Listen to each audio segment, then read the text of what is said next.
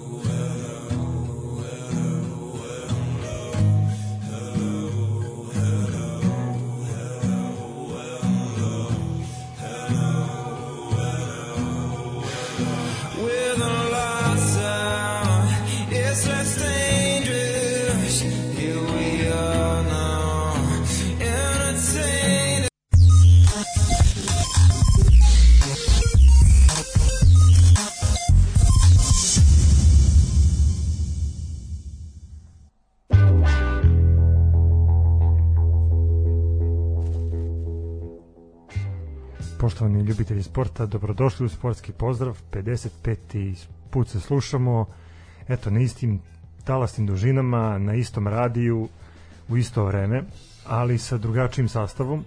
Danas smo malo ojačani, ako je mogla naša reprezentacija da preživi sinoćni uspeh i da se bezbedno vrati, možemo i mi da sebi priuštimo pojačanje baš za, za ovu emisiju, a nadamo se da će to pojačanje ostati jedno duže vreme, ali vidjet ćemo, razgovori sa agentom prestoje. pregovor, da. Pa Bi, biće teški pregovori, ali Biće uspećemo. pregovori, svi danas igraju fudbal, lopta je okrugla, pokušat ćemo da prevarimo. Ovaj, ne, danas, danas ovaj, se izvinjavamo svim onim koji su navikli na naše vulgarnosti, sve danas ćemo pokušati da budemo eh, iznimno fini, ovaj, da ne bi oterali, oterali našeg novog saradnika, ovaj, nadamo se budućeg Odnosno saradnica sa saradnicu, tako je. Mi smo najavili jednu poslasticu ovaj, i jedno iznenađenje i verujem da ovo niko nije očekivao. Znači, ovo je bila kvota kao da će Nada Topčagić i Paul Pogba gledati zajedno utakmicu Portugal i Srbije. Naravno, promašili su ljudi ko je to uplatio, ali bilo je primamljivo. Uh, da, imamo, imamo pojačanje na bekovskoj poziciji ovaj vidjet ćemo, nadamo se da će biti biti ono dugotrajno i da će sve to zarotići u istoriju. Pozdrav, to za na klupu za početak. pa za puno klupi je već suspe, na tribinama je već uveliko ni klupe nije video kao a dobro vidi možda im bude povratak kao Lola Smiljanić ono da, da ni sam ne zna da će se vratiti Pa ne znam to. Va, važno je, znaš, kao da bude u protokolu, ali on i nije u protokolu. A nije ni protokol. Pa nije da. On je samo u našim mislima i srcima i nikad ga nećemo zaboraviti. Kao i hardcore fanovi ove emisije koji bukvalno se ga samo oni sećaju. I ko sluša emisiju do kraja. koji slušaju emisiju do kraja da, E, da e, predstavljamo znači pored nas i sa nama je Tanja. Dobroveče i dobrodošla sad zvanično. Ćao. Uh, ona je malo uplašena, nemojte danas ovaj, zameriti, ali svakako, svakako jedno prijatno osveženje. Uh, Tanja, reci nam nešto kratko o sebi i kako si za Boga, to će se svi pitati, pazi, kako si ti za Boga došla do ovih momaka i kako, zašto, šta radiš tu? Prije svega, pozdrav svima. Ja se zovem Tanja i studentkinja sam prve godine žurnalistike na Filozofskom fakultetu u Novom Sadu. I eto, kako sam ja ovde dospela.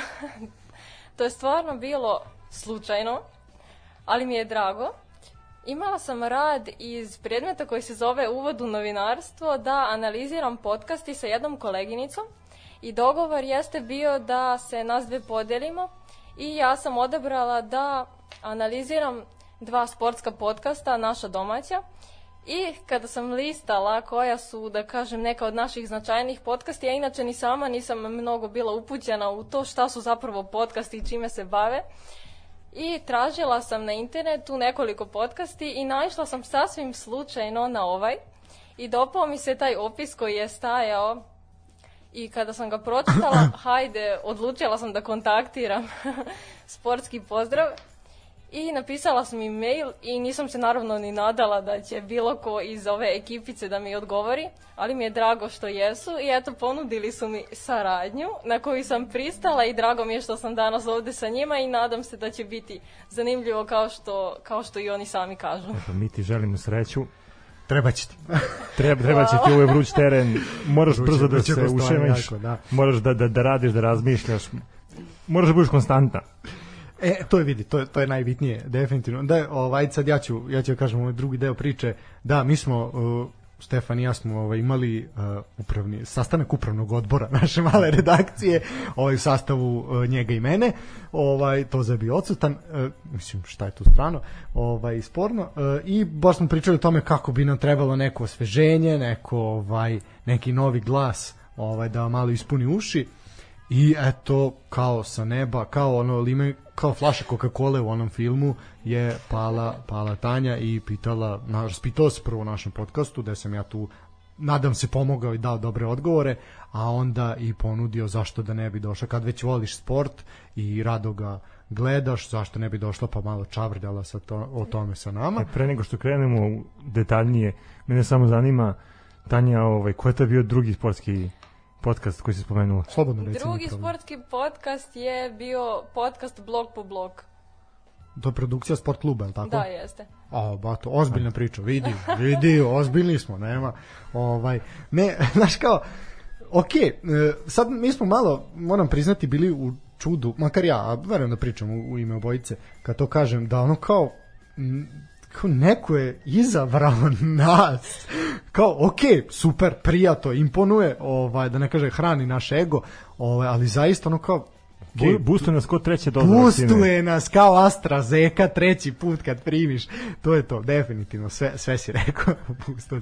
Znaš kako, jesi čuo kako naša braća kažu za, za vakcina? Jesi čuo te fa? Nije Ne, zapravo ne, ne, istina. slušam. Ovaj, znači, prvi, kod nas je vakcinisanje, kod braće Hrvata je cijepljenje, jel? E, Kod nas je revakcinacija, kod njih je procijepljenje.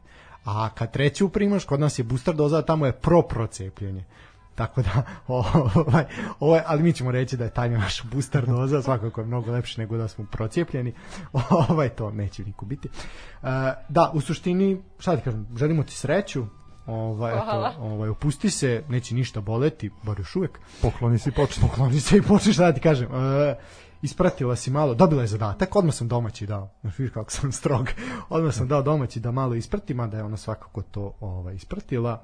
Tako da, Stefane, povedi nas putem uh, evropskih dela kvalifikacija za svetsko Ništa, prvenstvo. idemo na ono što je nama bilo najznačajnije, a vezano je za našu futbalsku selekciju. E, pričali smo da je našu futbalsku selekciju očekivao taj famozni duel sa Portugalom, koji je eto sinoć pobedonosno završen, ali pre toga mi smo imali utakmicu sa reprezentacijom Katara, koja je bila prijateljskog karaktera, gde smo poprilično dobro prošli, ali nakon 45 minuta to baš i nije delovalo tako. Da, pa mislim u suštini to smo i kad smo pričali prošli put ovaj sa našim drugarom, ovaj mi smo to karakterisali kao jednu prijateljsku utakmicu koja ne treba se nešto puno ovaj nervirati niti zaista ja ne bih nešto ulazio u neku dublju analizu. E, to je bila jednostavno uvertira za Portugal, e, jedan da kažemo ono test za igrače i za selektora Dragan Stojkovića gde je ono video šta kako uklopiti sve mislim i sam selektor je rekao posle te utakmice odmah je izjavio da je zna sa kojom ekipom će će ići u Lisabon i sa tačno istrčati na teren ovaj imao je taj peh da nije mogu da računa na a, Darka Lazovića, ovaj pok, e, naknadno su pozvani jel, neki igrači, ali to je na kraju Živković je na kraju tu lepo pokrio, no kao što si sam rekao pričat ćemo o tome. 4-0 ispraćen taj Katar Uh, ono što smo videli od tog Katara, pa nismo nešto mnogo videli i ja mislim da će oni biti onako jedan od loših domaćina po tom učinku. Verovatno će nadmašiti onaj negativan rekord koji ima Južna Afrika kao jedan od najgorih domaćina velikih prvenstava. Obično je do, do Južne Afrike, sad možda grešim, ima tu ljudi koji više prate od mene, ali uh, svaki domaćin je uspeo da prođe grupu. Južna Afrika je bila prvi domaćin koji nije prošla grupu. Tako da, poprilično sam siguran da će Katar pr, po ome što smo videli proći kao SCG u Nemačkoj 2006. da će ih nalupati svi redom. Osim ako ne bi potpisali nekih 10 Brazilaca ili već nešto nije sporno, to su radili u rukometu, sećamo se da su imali Da, da, da. naturalizovanu ekipu. Tako da nešto posebno komentarisati taj Katar, ja Znaš kako, oni meni deluju kao ekipa koja je svesna nekih svojih granica i više futbol baziraju na tom kao napređenju, ali im je futbol prilično defanzivan, jer opet igrate sa selekcijama koje su dosta jače od vas i koji su i po rangu, a i po iskustvu daleko ispred. E, kad smo kod, eto, kod reprezentacije Katara, e, nekako biće mi simpatični e, i ti njihovi navijači na, na mondijalu. Vidjet ćemo kako će sve to izgledati, ali šta znam, ovaj, mislim, možda je ovo stvarno presedan, gde će oni moći da učestvuju i stvarno ne, ne, ne vidim ih ovaj, u nekim budućim mondijalima. Apsolutno, mislim da, što kažeš sam, biće, biće izuzetak. Ovaj. Ali dobro, mislim, vidi, pazi, možda nas ljudi i razuvere. Mislim. Pa pazi, sa, sa ovim stadionima koji grade i koji su već neki izgrađeni, oni stvarno imaju dobru bazu za unapređenje futbala. Pa tako je, ali naš Ali ne igra stadion, da. mislim. Pitanje je kako to može da se razvije, obzirom da privarna stvar je talenat plus rad. Da. Znači oni moraju da pronađu talenat da bi mogli da ga bruse. Ali eto, da, da, da, da završimo priču ovaj, o toj prijateljskoj utakmici, eto, naša reprezentacija je dobila 4-0. Videli smo onako poprilično, da kažem, neko drugačije izdanje naše reprezentacije. Malo smo krenuli bojažljivo, pa ne znam zašto, ali eto, na kraju je to ipak u drugom poluvremenu sve došlo na svoje. I Da. ono što je radovalo to da, da, da su svi igrači ovaj ostali zdravi Da. i čekali To je negde taj, da, taj da. duel sa Portugalom.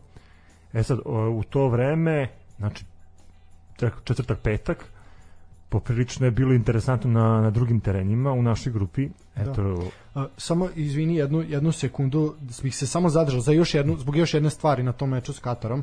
Znači meč se igrao na stadionu Rajko Mitić, jel, na Marakani. da, do 18 časa. E, i moram priznati da ono što je poprilično razočarava, znači prvi put posle dosta vremena imamo, e, da kažemo, e, što bi rekli mladi, hype oko reprezentacije ili Da, reprezentacije. digla se buka. Digla se buka, digla se frka, ponovo je narod počeo da prati reprezentaciju na kojima SBB je gleda, ko nema taj se snalazi. Ovaj I kao naš ono prvi put je bilo kao i dosta je to vidi Dragan Stojković Pixi je apsolutna uber legenda našeg futbala što jugoslovenskog, evropskog i svetskog. I on čovek jednostavno je to svojom energijom i, i dobrim igrama momaka svakako je to privukao. Znači mi smo takav narod kad vežemo četiri pobede mi smo ono mirišene titulu. Ovaj tako da kad svega toga, znači novine su danima pisale to, o meču Portugalu se čeka mesec i po dana. Znači sve, sve, sve, sve.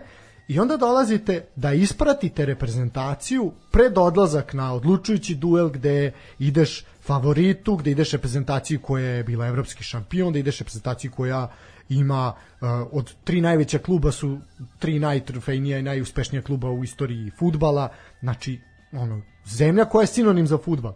Ideš njima na noge, i tebe dođe da isprati 700 kroz 800 ljudi što je sramotno prvo za Beograd to je jako velika sramota drugo za sve ljude koji su uh, sinoć izašli na trgove, ulice i tako dalje da se raduju Pa da samo kad njih saberaš koji izašao da se raduje, mogli su lepo Gde da ste bili otkupe. ljudi, gde ste bili da ispratite ta, te momke? Ok, nije niko verovao, ajde da kažemo da nije niko verovao, ali... E, Tu se ne slažem sa tobom. Znači, verovali su pojedini ljudi, ali najviše predsednik.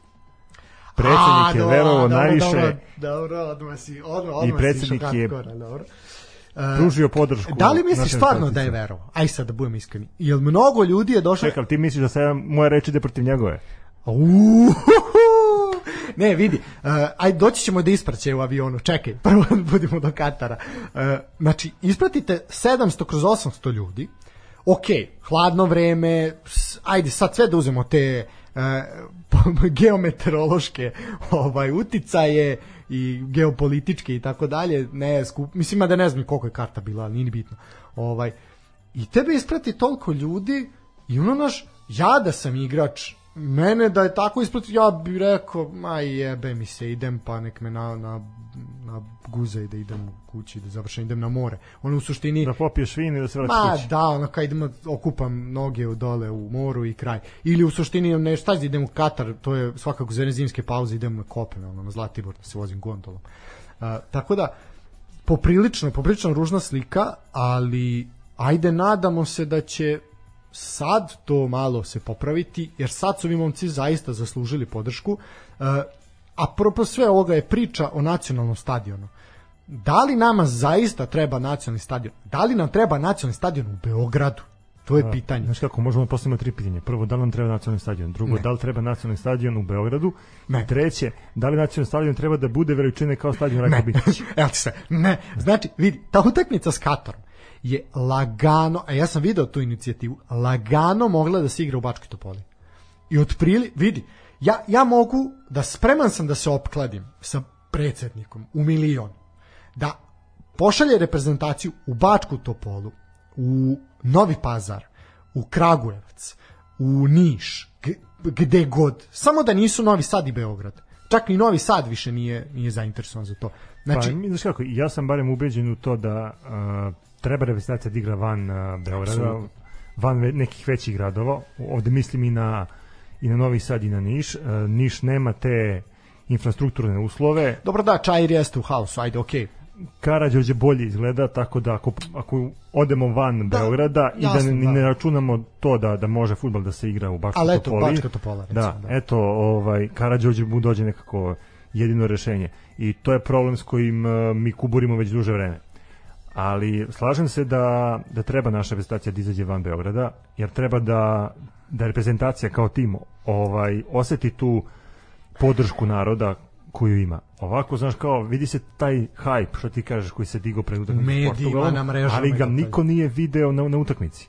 Pa ne možeš da vidiš kad imaš 700 ljudi, mislim, to, to je, imaš uh, 200 rodbine i ove su ostali škole futbala i ovi što su zalutali. Znaš, ono, došli tu malo pa idu na autobus, vraćaju se u malu muštanicu. Znači, jednostavno, ne, možeš da osjetiš ništa. Po meni, znači, ajde da možemo opet gledati malo u okruženju. Bosna svoje mečeve igra u Zenici. Znači, Zenica je daleko od najvećeg grada ili centra, ali igra tamo zato što je tamo pun stadion. Bilino polje bude puno. Hrvatska igra u Osijeku, u Splitu, u Rijeci, znači ide se, šeta se po državi. I onda ti imaš pun poljud na utakmici s Rusijom koji peva Cesaricu. I orilo se, ali je bio pun stadion. Ja mogu da se opkladim da reprezentacija ode u Novi Pazar, da će biti 10.000 ljudi na tribinama. Ili u Bačku Topolu, nebitno. U Suboticu. Vidjet ćeš, mogu da se opkladim. Druga je stvar što sad mi nemamo uslove, to je sad priča sama za sebe, ali Ne, ja to gledam iz tog nekog kao tehničkog dela, obzirom da znamo okej. ka, koji su uslovi potrebni da bi se odigrala jedna utakmica tog tipa. A još nema jedna, uslove za našu ligu. a još jedna stvar koja je poprilično interesantna, to je i da ti imaš uh, te karte koje su nekad skupe, nekad se dele za džabe.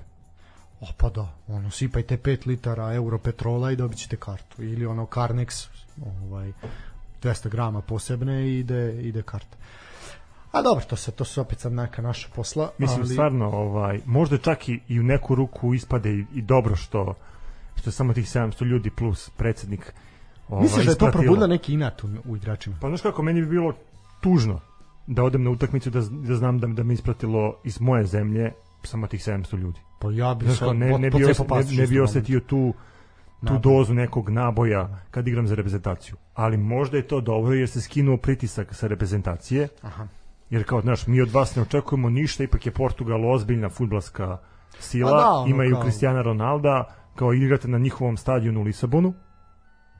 I kao u fazonu, kao pa ne, pa svi su očekivali ono nalupavanje 2-3-0 i čao zdravo. Pa da, ajde, mislim, ok, Ali može se i tome desilo tako, se da. iznenađenje i možda je i to dobro što se desilo. Pa ok, ajde. Znaš kao, bilo bi čudno šta bi se desilo, jer znamo da pred veliko takmičenje, ovde sam se možda malo izeznuo, jer veliko takmičenje, mislim na, na svetsko prvenstvo na koje jedino idemo, pošto na euro nismo bili 20 godina, uvek se stvori taj hype kao idemo nešto da uradimo, da prođemo grupu, da napravimo neki rezultat. Očekuje se ta nadogradnjenog tima iz 98.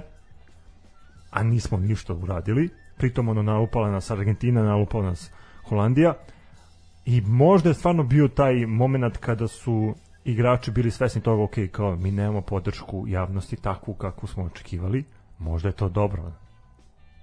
Dobro da, to je sad psihologija ovaj u koju ono možemo zalaziti, ali definitivno da tako je kako je, mislim tako je bilo, na čast je, na čast je ovaj onima koji se nisu pojavili. Ovaj a to je to je arhivirana priča. Ono što svakako je nešto tema o kojoj treba razmišljati je je taj stadion i uopšte ti stadion, o tome pričamo iz nedelje u nedelju. Uh, ja zaista ne vidim potrebu za nacionalni stadion, pogotovo u Beogradu. A tako, ti, pogotovo. a, ti si razgovarao sa, sa PR-om TSC, ako se dobro sećam, on je nama spomenuo da je izgradnja tog stadiona njihovo košla 25 miliona. Da. Taj stadion koji nama treba kao nacionalni, trebalo bi da bude ono nešto u fazonu arene, samo, Definitivno, da. samo ovaj otvoren, ili možda zatvoren, ne znam, ali to definitivno neće koštati 25 miliona A evra. ne, ne spominjati cifra od 250 miliona, mislim, to je... Upra, upravo to, znaš, kao pravimo svemirski brod. Pa okej, okay, ali problem je sad opet naše države gde će od tih 250 miliona ti se sagraditi 10 vikendica za koje kakve funkcionere. Znaš, tu sad moraš uzeti i taj, i taj deo Karanti obzir. centar. Pa da, okej, ovaj, ali definitivno, eto, po meni, ja bih, sad svakako će biti taj e, prijateljske utakmice pred odlazak i tako dalje, tako dalje. Zašto da ne? Ajde probajte, ono, dajte to polu, dajte nešto malo, Kragujevac. Videli smo da je Čikadača željan futbala. Znači, kad su došli Zvezda i Partizan, imao si pun stadion. Pa bit će puni kad bude reprezentacija. E, neko je na Instagramu lepo izvukao. Svaki put kad je reprezentacija izašla van Beograda u posljednjih 10 godina je bio pun stadion. Jagodina, e, Kruševac, Novi Sad nekoliko puta, e, Kragujevac, mislim da je čak bio i Niš, znači sve je Da, bilo Niš je bio jedan. Niš je bio. Znači, sve je bilo puno. Bile su, i, bilo je čak i Užice, pa dobro vidi, Sloboda je renovirala stadion. Zašto se ne igra u Užicu? Lep stadion, jako lep stadion, Užica, u, u Slobode, u Užicu, zašto se ne bi igralo? I tu je, i Zbog tu su... komplet lepinje, kajmaka, prušnih A misliš da bi holesterol Pa da. udario, da. A dobro da, ne može ovaj Japanac što ih trenira, ovaj svakako to ne bi dozvolio. Pa Ovaj. ja, Japanac bi se navukao. A to je to, to je problem, onda bi otišlo dođavo na sve. Ovaj dobro, Tanja. Ajde slobodno, Da, sad tvoj hoću da tvoj komentar. Tvoj komentar. Ja sve hoću da budem kulturna, da sačekam da ovo je Nema završi. tu kulture, nema, moraš se boriti.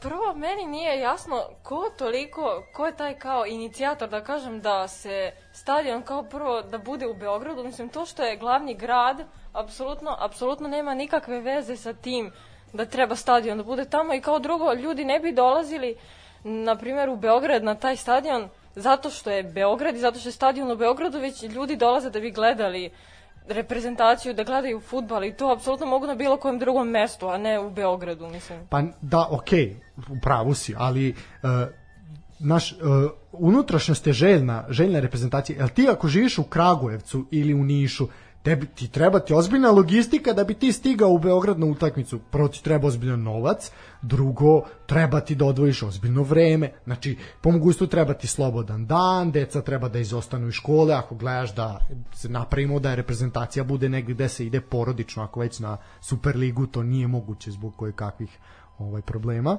ovaj poznatih. Znaš, onda kao to ti treba ozbiljna logistika, treba ti prvo financije, treba ti vreme, nije to tako jednostavno. Da. Znači, zato uglavnom, a mi nismo baš tako fanatični što se tiče reprezentacije, pa sad ću se ja zapucati ono iz Vranja, a ovo će bole me, znači, onako će izgubiti, mislim, to, to je tako narod razmišlja, u suštini velika većina. Tako da, o, to je neka poenta, znaš, okej, ali ja ne vidim poentu nacionalnog stadiona ako ti dolazi u proseku hiljadu i po ljudi Da, na to stadion, je- to, ono je besmisleno. No dobro, Ja, a- ja, sad, ja sad razmišljam o voucherima za galeriju plus ulaznica za utakmicu. Znaš kao, ono, primite, primite vakcinu pa dobijete ulaznicu za utakmicu. Mislim, A to? ono, da, pa ne znam, mislim, šta bi ti rekao. Uh, no, ajmo, to je sad ono što... Ne, ste- stigli smo kod predsednika. Predsednik Da je, došli smo do aviona, da, došli smo do aviona. A, šta da kažem?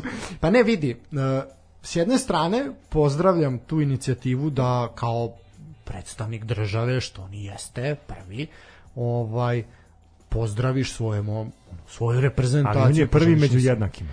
najjednakiji među jednakima, ovaj da je pozdraviš svoju reprezentaciju i da poželiš sreću i ako si neverovatni baksuz, ovaj poželiš sreću i to je sve u redu. E onda dolazimo do one propagande koja para uši, a to je da ukoliko pobedite da će dati vlada Republike Srbije milion eura. E sad, zašto je to problem? Odakle nam ili nevra? To je prva stvar. E, druga stvar, ti imaš u poslednje vreme, a to su svi primetili, imaš ekstremnu inflaciju ponovo, gde su ti cene u prodavnicama jezive. Znači sve je skočilo. Pritom kurs evra se održava veštački. Veštački, a sa druge strane gorivo skače iz dana u dan, cena ulja e, suncokretovog je skuplja nego litra elfa, ono koji za auto, mislim što je nevjerojatno, počet ću da pržim na auto ulju, e, to je druga stvar. A treća stvar, hleb je poskupio. Vidi, sećamo se i ti, ja vrlo dobro sa ti Tanja, ti smo mlađe, pa vjerojatno se ne sjećaš toliko, e, da je kad poskupi hleb, to bila udarna vest u dnevniku. Cena Sava hleba, sećaš se to kad poskupi za 2 dinara, to je haos, ono, pekari se već to borili za cenu hleba. Da, hleb je već otišao na 15-20. Da, je poskupeo. Da, to, to, je, to je problem. I to se ne priča, to niko ne spominje. To je jedna, ajde, s jedne strane. S druge strane, u tom istom periodu, tih istih dana, ti, uh, sad, kako, će jako pogrešno, uh, unesrećeni roditelji jednog od mnoge bolesne dece, ti izlaze u javnost, mole, znači, devojčica za koju se zaista cela nacija digla na noge, nema lokala, restorana, kafića, kluba, ma pekare koja se nije uključila u akciju tokom prethodnog perioda da se detetu pomogne. I ne samo tom detetu. Tužno je što roditelji na takav način moraju da dolaze do pomoći. Znači, to je samo jedno od milion dece, to vrlo dobro znam. I ne samo dece, i odraslih. I onda se narod plače, rida, roditelji, molim vas pomozite, lečenje je izuzetno skupo, nemamo kako, ne možemo, država ne želi da pomogne, znači jednostavno ne želi, kad su trebali da glasaju za to, Skupština je to jednoglasno odbila. I onda tebi dođe predsednik i kaže, ja ću vam dati milion eura. Pritom, da je on rekao da će dati milion eura odbojkašicama, rukometašima, rukometašicama, vaterpolistima, onima koji manje zarađuju. Ja bih rekao, ok. I tad bi se bunio, ali bih rekao, ok. Davati ljudima koji e, selekciji koja ubedljivo najviše zarađuje po igraču, po članu selekcije, po meni je suludo. Pritom njih ima 40 u, otprilike u toj Da, kad selekciji. podeliš tih milion, znači kad podeliš milion, Po, po 20.000. To je- šta je njemu 20.000 eura? On 20.000 eura zaradi za nedelju dana. Dve. Dušan Tadić ili recimo aj sad ko je, ko je, a svi su oni u ozbiljnim Luka klubovima. Jović, eto. Ma ne bi Da, svi. da, dao sam primjer, znači bilo Da, kog igrača. bilo ko od njih. Znači šta je njemu 20.000 eura? To je so u moru. Znači i ti onda pokušavaš na jeftinim populističkim potezom da kao, eto, ti ćeš ih nagraditi, zapravo si izazvao revolt u narodu. Izazvao si bes. I E, misliš ti da, da, da je trebao Vučić patriotski to da uzme kao nad realistima, da stavi tih miliona na pobedu Srbije i kvota je bila koja je 9? Sedam koma nešto. I da na 1 milion uzmeš 7. I onda kao, E, evo vidi, to je neko uradio. Tom bratu ko je to uradio, ako nas sluša, nek se javi, ja želim javno da čestitam, to je neko uradio u Mozartu. Neko je stavio milion i nešto ovaj, na, na pobedu Srbije, dobio nije sam- predsednik. Ne znam. Predsjedniče, Nije, javite se. Predsjedniče, javite se ako ste vi. Znamo da slušate. Ovaj, kogo da se javio, zaista, evo, ja ću ga ovdje imenom i prezimom reći, brate, svaka čast za hrabrost i za kohones. Ne znam šta da kažem. Uh, vratimo se na ovo. Znači, i ti onda jeftinim populističkim potezom izazivaš bes i revolt, izazivaš buđenje opozicije i stalnih pljuvača vlasti, nismo mi ti, ovaj, gde kažu, e sad treba da se pokrene inicijativa da to sad igrači budite, ono, apeluju na igrače, ajde sad, stvara se pritisak i gl, znači, oko, Veći su pritisak sad, stvorili na, Tako na je. igrače vezano za, Tako za je. taj milion nego za odlazak nego na za odlazak na jednu utakmicu. I ono kao, ne znam, sad, ve, uh, inače legle su pare, uplaćen je novac. Znači, vlada je stvarno odreagovala, morala je, mislim, šta, dove, dove su ih presvršen čin, ali tako je bilo iz onih 100 eura. On je pričao, država će platiti 100 eura pomoći, ako budete poslušni, i onda su svi daj 100 eura, daj 100 eura, onda je morao da da 100 eura. Sad iskašljavamo tih 100 eura i dalje. Ovaj, znači, oni su uplatili. E sad je na potezu Saveza, prvo i predsjednika Bijekovića, i selektora, a i igrača, da se po mom skromnom mišljenju viteški odreknu te nagrade i da proslede zaista onima kojima u momentu najpotrebnije. Od te dece, opet kažem, unesrećene, do odraslih ljudi, da u kraju njihov, njihovog bivšeg saigrača, nekima i trenera Radakovića i tako dalje i tako dalje. Znači, ima zaista, podugačak je spisak kome treba pomoći. Po meni, sad je loptica na njihovom terenu. Vlada je ispoštovala svoje, prvi put da je to iko ikad rekao da je vlada nešto ispoštovala. Sad je loptica u njihovom delu terena, da vidimo kako će odreagovati. Vidjet ćemo, vidjet ćemo. Tanja, imaš nešto Pa kažeš? meni kao prvo nije jasno kakva je ovo država u kojoj ljudi kada imaju bolesnu djecu i djecu kojima je potrebna pomoć, da treba da mole druge ljude i da mole državu i nebitno da mole u svakom slučaju da, da se pomogne, jer te operacije i sve to što je potrebno da bi se to dete, na primjer, izlečilo, te cene, to, to nije normalno. Koliko je to skupo, pa čovjek da proda bubreg ne bi imao toliko novca jednostavno. Ne razumem čemu to takve stvari, kao prvo ne treba uopšte da, da se naplaćuju. To treba, ako mene pitate, ako mene pitate, mislim, svako ko ima dušu, bi trebalo to za džabe da uradi, a ne ovo, kao, kao prvo deljenje novca, ovo za futbal igračima, za plasiranje, za ne znam nija, mislim, glupost. Kao prvo ja da se pitam, ja bih taj novac dala onima da, što je rekao Stanislav onome kome je potrebno, a ne da dam nekome ko to zaradi za jedan, dva dana. Pa da, mislim, eto imao si suspenziju Jokića u NBA-u. Sio koliko je on izgubio ovaj, za tu jednu utakmicu što nije igrao. 216.000 je u gubitku zbog jedne utakmice. Koliko je to konja? Mnogo. Koliko je to fijakera. ovaj, ne, o, da, znaš kao, mi računamo u kilama mesa, ovaj računa, znaš, ono, obično kad nešto potrošiš puno para, onda ti tata dođe kaže, znaš ti koliko je to kila mesa, e, znaš ti koliko je to fijakera.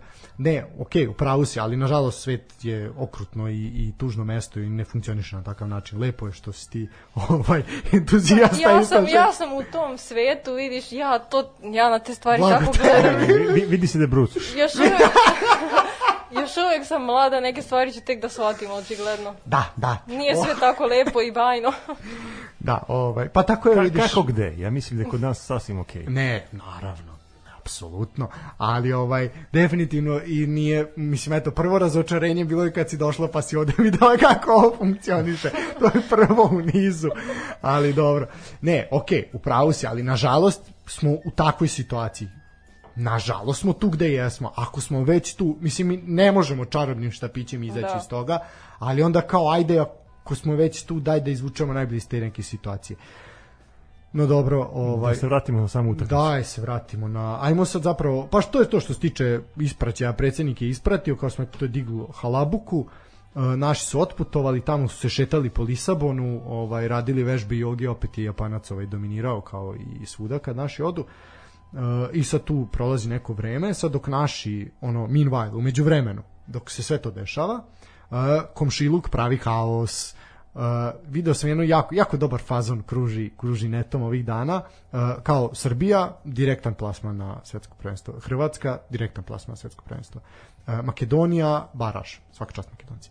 Bosna i Hercegovina, Zvezde Granda Bosna E, ali, ali sad kad smo kod toga, Zvezda i Granda traju duže nego Mondijal. Pa sad ti vidi koji u dobitku. Au.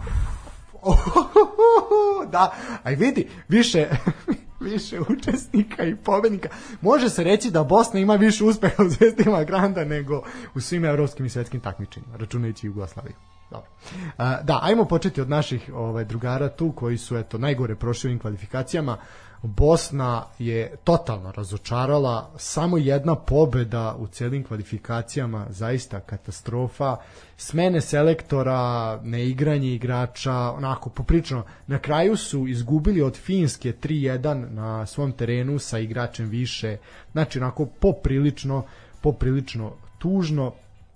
E, šta da kažemo, Bosanci, eto, ostaje on Zvezde Granda. E, što se tiče, ajmo onda do, južnije malo, što južnije to tužnije, e, Crna Gora, ono što sam ja ispratio igrali su 2-2 sa Holandijom i strelac izjednačujućeg gola bio Luka Vujnović, eto vedeta Voždovca, ovaj zaista čovjek u fantastičnoj formi igra, Vujačić je takođe bio bio ovaj u timu, eto predstavnici Superlige su eto nastupali za Crnu Goru što je opet potvrda kvaliteta donekli Superlige i naravno njihove, ali Luka Vujnović zaista pokazuje da je ozbiljan igrač, u ozbiljnoj formi, ozbiljnom naletu, čovek melje sve pred sobom.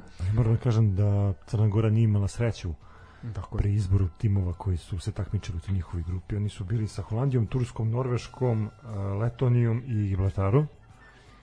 E, I mogu da ti kažem da su ostavili poprilično dobar utisak kada pogledaš u, ovaj, koje su te reprezentacije koji su ispred njih. Holandija kao apsolutni favorit, sve sad za to drugo mesto su se borili Turska i Norveška. Crna Gora je možda tražila neku svoju šansu iz prikrika nisu uspeli. Turci su otišli u baraž. Eto, Norvežani ništa. Crna Gora je bila, čak i mislim, evo, uh, da, četiri boda za ostatka u odnosu na Norvešku, koja je bila treća. Da, pa dobro, mislim, vidi, Teška grupa. te, jako teška grupa i taj neki skor od tri pobede, tri nerešena i tri poraza uz gol razliku 13-13, znači onako pokazuje, mislim, sasvim korektno, korektno, teška grupa, kao što si sam rekao, nije bilo za očekivati da mogu, mogu proći dalje, ali dobro, borili su se Đetići i tako će i nastaviti, to se od njih i očekuje. Kao što smo rekli, Bosna je zaista katastrofalna bila, ona je u grupi bila sa Francuskom, Finskom, Ukrajinom i Kazahstanom, Uh, jedna pobeda, četiri nerešena ishoda i dva poraza, gol razlika 9, datih 10, primljenih 7 bodova. To je najlošiji skor Bosne od osamostaljenja u nekim kvalifikacijama. Znači, poprilično, poprilično tužno. No dobro, na njima je da se vade. Našim drugarima iz bosanskog podcasta Offside izjavljamo saučešće, šta da vam kažemo, pričat ćemo vam kako je bilo u Kataru. A idemo na severnije susede, idemo na Hrvatsku. Na poljudu se igrala odlučujuća utakmica protiv Rusije. U suštini, što se tiče same same ovaj utakmice jedan zaista antifudbal ruske reprezentacije oni su tu došli da uzmu bod i tako su se ponašali totalno su se zatvorili onako jedna bunkerčina ala Javor iz Ivanjice ovaj bez ikakve želje vidi ni za kontrom znači katastrofa Uh, Došli da zavrnu gas. od, bukvalno. Ovaj, na kraju onako to ih je istiglo za takav mentalitet i takav pristup uglavnom budete kažnjeni pa su Rusi sami sebe zbacili s prvog mesla autogolom 81. minutu nakon centrašute s leve strane ovaj koji je zaista lako mogu biti očišćen e, što se tiče e, eto, pa pr- prvi udarac ka golu su Rusi uputili u 74. minutu 5 metara preko gola, znači ono pretvaranje u američkom futbalu je otprilike viđeno, a drugi udarac u 93. minutu preko 20 metara iz očaja. Tako da, što se tiče Hrvatske, ona je odigla jedan dobar, dobro, dobru utakmicu, uputili su 20 udaraca ka golu sa fonova, a eto, samo jedan je ušao i to autogol. E, Čestitamo Hrvatskoj na direktnom plasmanu u na evropsku na mm, svetskom prvenstvo. prvenstvu u Kataru. Zaista je to još jedna reprezentacija iz ovih evropskih kvalifikacija koja je otišla direktno. Pritom su se Hrvati poprilično lako prošetali. Da. Jesu bili apsolutni favoriti, ali eto znamo da je kod njih došla smena generacije, mada to se nije odrazilo bar ovako na, na prvi pogled kada, Na kada vidimo ne, da. rezultate u grupi. A na igru se odrazilo, nije to bila ona Hrvatska koja onako sa nekom lakoćom stvarala šanse i igrala do sad ovih prethodnih. Čak je tu jako puno e, selektor Dalić bio osporavan i nakon evropskog prvenstva gde su zaista onako poprilično ispali na bezveze način. Ovaj tu se onda na primjer e, zamerili su mu mediji jednu stvar, na primjer e, igraju uh, jel kao što smo rekli igraju Osijek, Split ili tako dalje, šetaju po, po državi i onda šta on radi? Kad igra u Osijeku, onda zove igrače Osijeka. I onda mu igraju Mile Škorić, Domagoj Vida koji je Slavonac. Znači igraju mu ljudi koji su iz tog dela ili igraju u Osijeku da bi odobrovljo, odobrovoljio publiku. Kad igra u Splitu na poljudu trenutni bog otac dole Marko Livaja, jel, desetka Hajduka, čovek čovek onda igra, naravno pun poljud, peva cesaricu, sve lepo to lepo izgleda. Znači, kupuje Duje Ćaleta, cari, tako dalje, a svi ti sad koji su iz Dalmacije. Znači, to je onako kupovina nekog mira i privlačenje publike, mislim, dobar marketinški potes. Jeste. Privlačiš publiku iz tog regiona da dođe da vidi svog miljenika, znaš, jel onaj ko je to, to se vidi pogotovo na primjer kod malo starije generacije koja dođe i kaže e znaš on je on je iz Kragujevca, naš sad idem da gledam zato što je on moj sugrađan, naš. To, to je prisutno i to je svaka čast na tome, mada njemu to novinari zameraju, ali ja bih rekao da je to poprilično dobar, dobar marketinški potez. Uh, ali eto, plasirali sad, su sad se... razmišljam kako bi se to odrazilo na, na našu reprezentaciju. Znaš, Nemo kao, toliki- znaš, kao kreneš Novi Sad, ok, kao tu je Dušan Tadić, Beograd, ok, imaš, i onda dođeš dole Niš, a, Pixi. Pa da, tako je, tako je. Pa eto vidiš. Znaš, kao, ajde, Pixi igraj. da, da, da, fix izađe. ovaj, pa, dobro. Ne, Andrej Živković, pardon. Andrej Živković iz Niša. pa dobro, pa okej. Da, ali Nije ok, bitno. imamo i mi ono, kao... Pa moglo bi, moglo konji bi za to trku. nešto. Jokićeve konji za trku. strašno. Ovaj to je što se tiče što se tiče uh, Hrvatske, rekli smo Bosna u suštini. E da i dolazimo do pa može se reći još jednog istorijskog rezultata, a to je uh, za reprezentaciju Makedonije, nećemo reći Severne Makedonije, Makedonije, za našu uh, braću, eto, igraće baraž za svetsko prvenstvo, nakon što su nastupili na evropskom prvenstvu, još jedan zaista odličan rezultat, baraž za svetsko prvenstvo, oni su kod kuće pobedili Islanca 3-1 uz dva golma Elmasa i jedan pogodak Alioskog, završili su kvalifikacije sa bodom više od Rumuna koji su pobedili Lichtenstein, ali eto ovaj Makedonci su uspeli da slave u ovaj na domaćem terenu i samim tim su izbili na drugo mesto. Nemačka je ubedljivo tu prva u toj grupi sa 27 bodova, čak e, 9 više od Makedonije, tako da tu nije mogla biti ugrožena i bilo bi zaista i previše da su bili ugroženi, ali dobro, svaka čast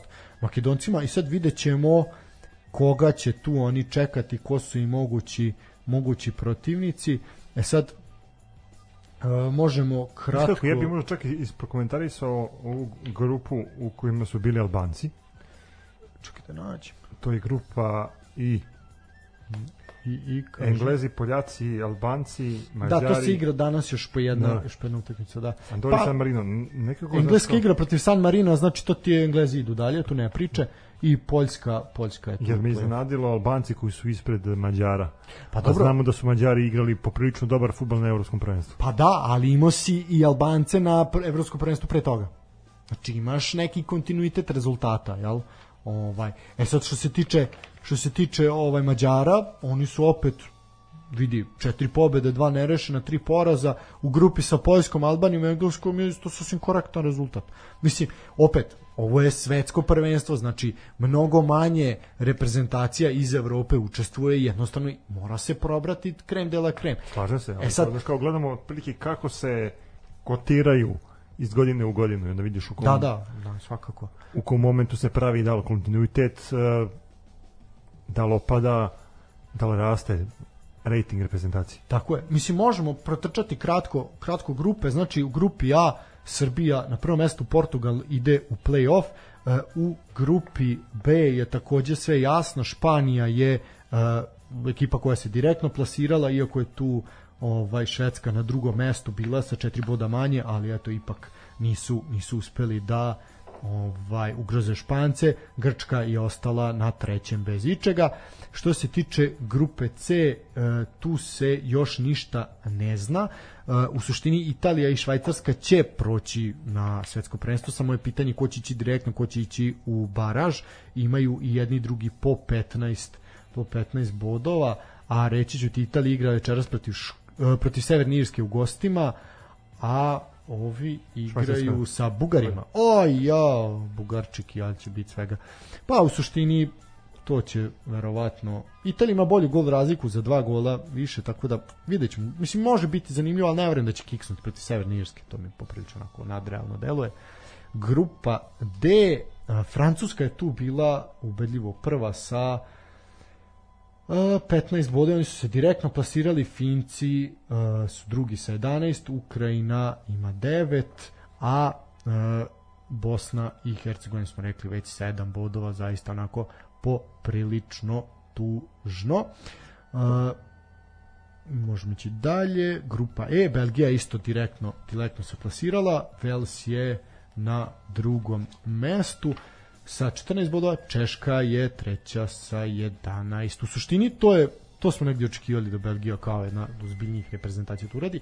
E, sad dolazimo do najvećeg iznenađenja ovih kvalifikacija, bar za mene, a to je Danska, koja je fantastične igre sa Evropskog prvenstva nastavila, to upravo što si ti rekao, devet pobeda iz devet utakmica. 30 datih i samo jedan primljen gol. Prošetali se kroz kvalifikacije, Koja reprezentacija je to isto uradila? Isto primila samo jedan gol. Duša nije imala devet pobjeda, ali samo jedan gol je primila. Reprezentacija Srbije i Crne Gore. Pa šta su dobili u Nemačkoj, tako da danci pripazite se. E, što se tiče ekipa koja iz ove grupe ide u baraž, to je ekipa Škotske. Eto, Škotska nakon evropskog prvenstva ide i na svetsko, zaista možda li na svetsko, ali eto... Pa ide- dobro, ide u baraž. Baraž, da. Ide u baraž, ima šanse. E sad, treći je tu Izrael sa 13 i Austrija takođe sa 13. Tu onako poprilično je to razočaranje, bar za mene što se tiče austrijske reprezentacije. Ovu grupu gde je Holandija, Turska i Norveška smo prokomentarisali. E, grupa H, Hrvatska e, i Hrvatska je direktno sa bodom više jelo od Rusije. Rusija ide u baraž.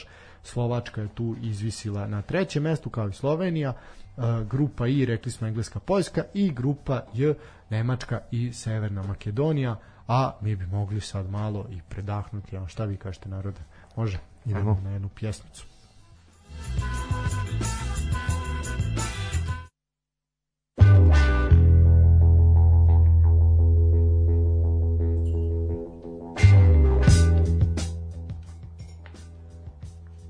E tako, malo smo predahnuli, mada je bilo poprilično kratko. Uh, slušali smo grupu uh, Film bez Jure Stublića, u tom situaciji se oni nazivaju Le Cinema. Uh, e sad, malo smo prokomentarisali jel, ovaj neki presek stanja napravili šta je to, šta je bilo, šta nije bilo, šta će biti, kako je ko prošao i kako se ko proveo. A sad e, možemo malo pričati o tome šta očekuje naše momke ovaj u Kataru. Znači, kao što smo rekli, Srbija je jedna od osam reprezentacija koje su uspele da kroz kvalifikacije obezbede direktan plasan na prvenstvo u Kataru. E, znači, uz domaćina os, bit će jel, 32 učesnika, to svi znamo. Što se tiče e, ostalih reprezentacija, znači Brazilije, ovaj e, reprezentacija iz Južne Amerike koja je obezbedio direktan plasman. E sad, oni su, znači Brazil, Nemačka, Danska, Belgija, Francuska, Španija, Hrvatska, Srbija i Katar su za sada jedini sigurni na žrebu koji će se 1. aprila naredne godine održati u Dohi. Sastav šešira će, za žreb će se određivati prema FIFA rang listi i najverovatnije će se gledati lista iz marta sledeće godine. Na današnji dan prema trenutnom stanju stvari Srbija je 25. na toj listi prema grubim prognozama će se naći u trećem šeširu ako se nešto drastično ne promeni do marta meseca. E sad, u narednim danima svakako ćemo i danas imamo i sutra još neke utakmice koje će ovaj pokazati zvanično jel koje još mi ovo što smo pročitali u suštini neka naša pretpostavka i ono što je verovatno da će se desiti ne vremena će tu biti neki velikih iznenađenja. Uh, vidjet ćemo onda i kompletna kompletan sastav. Znači rekli smo Englezi su gotovo sigurni protiv San Marina Argentina Argentina mora pobiti Brazil na primjer što će biti jako zanimljivo ovaj u Južnoj Americi. Uh, ali vidi, ako ne pobedi Brazil, dobit će ono neku Boliviju ili već nešto, ovaj, Honduras.